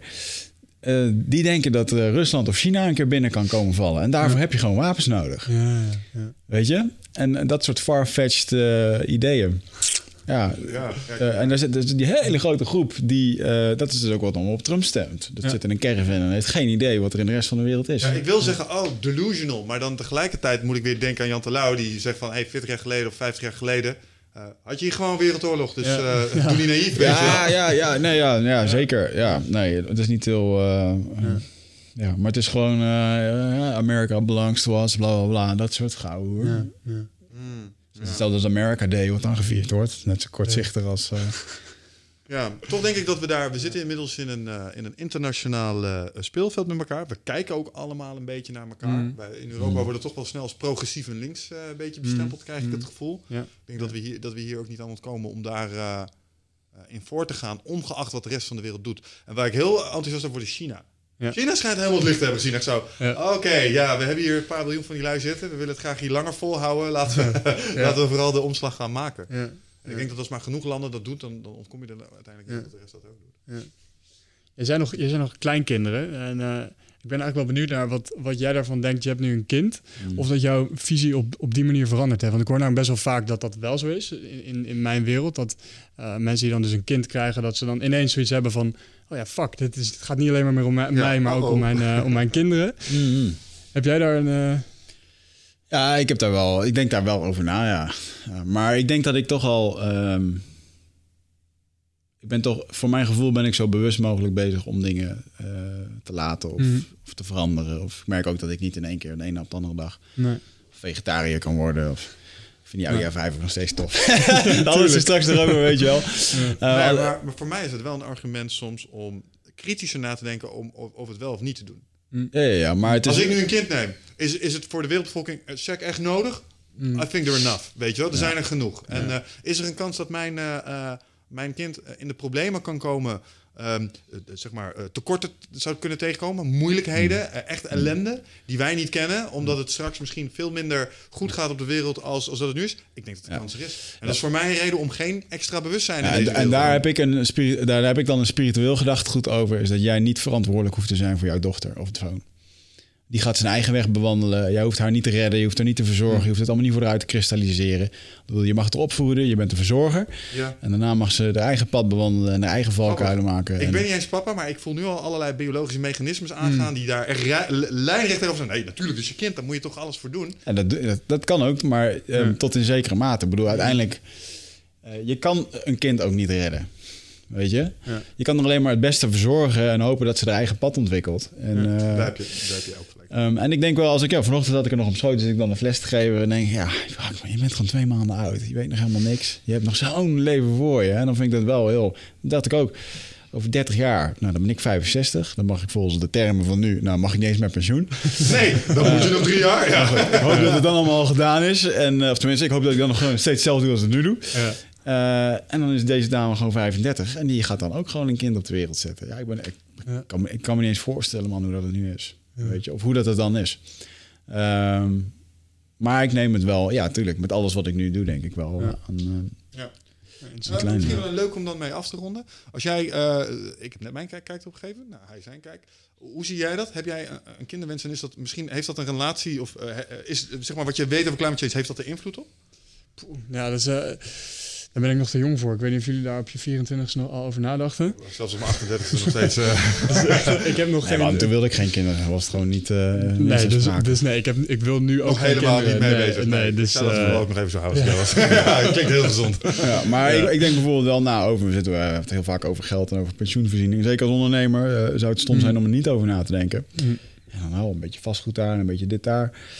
En dan denk ik uiteindelijk, ja, wat is die vastgoed over 30 jaar nou misschien nog waard? Weet je wel? Mm. Is dan, als het zo doorgaat met de zeespiegelstijging, dan is dat van jou iets minder waard. En ik heb Deventer aan zee, dus mijn appartement is plots heel veel waard. Ja, ja, ik wel op de eerste verdieping, dus straks kun je gewoon... De, als de gracht gewoon 10 meter hoog wordt, heb ik geen probleem. Dan kun je gewoon een in je huis uit. Dan, gaat gewoon, dan is de onderste verdieping dan gewoon onder water. Dan zou dat, uh, Inclusief uh, zwembad, ja. Maar dat zijn wel, uh, ja, nou, dat zijn wel goede dingen om over na te denken. Nice. Mannen, ik vond het een uh, leuk gesprek. Ja, we gaan hem afronden. Was mooi. Dankjewel. Je bent een uh, gast met een uh, duidelijke visie. Ik vind het knap dat je er zo voor aan het knokken bent. En blijf dat ook gewoon doen in wat je hierna ook gaat oppakken. Ja, Want nou ja, als één ding weer duidelijk wordt, het is wel nodig dat we er met z'n allen actief mee bezig blijven. Ja. Dus, dankjewel. Top, ja. dankjewel. Waar kunnen mensen jou volgen op social media? Ja, jongerenvertegenwoordigers. Dit is het moment, joh. Facebook, okay, Instagram, jongerenvertegenwoordigers. Dan ga je blijven ja. volgen. Alright, dankjewel. Tot de volgende keer. Ciao.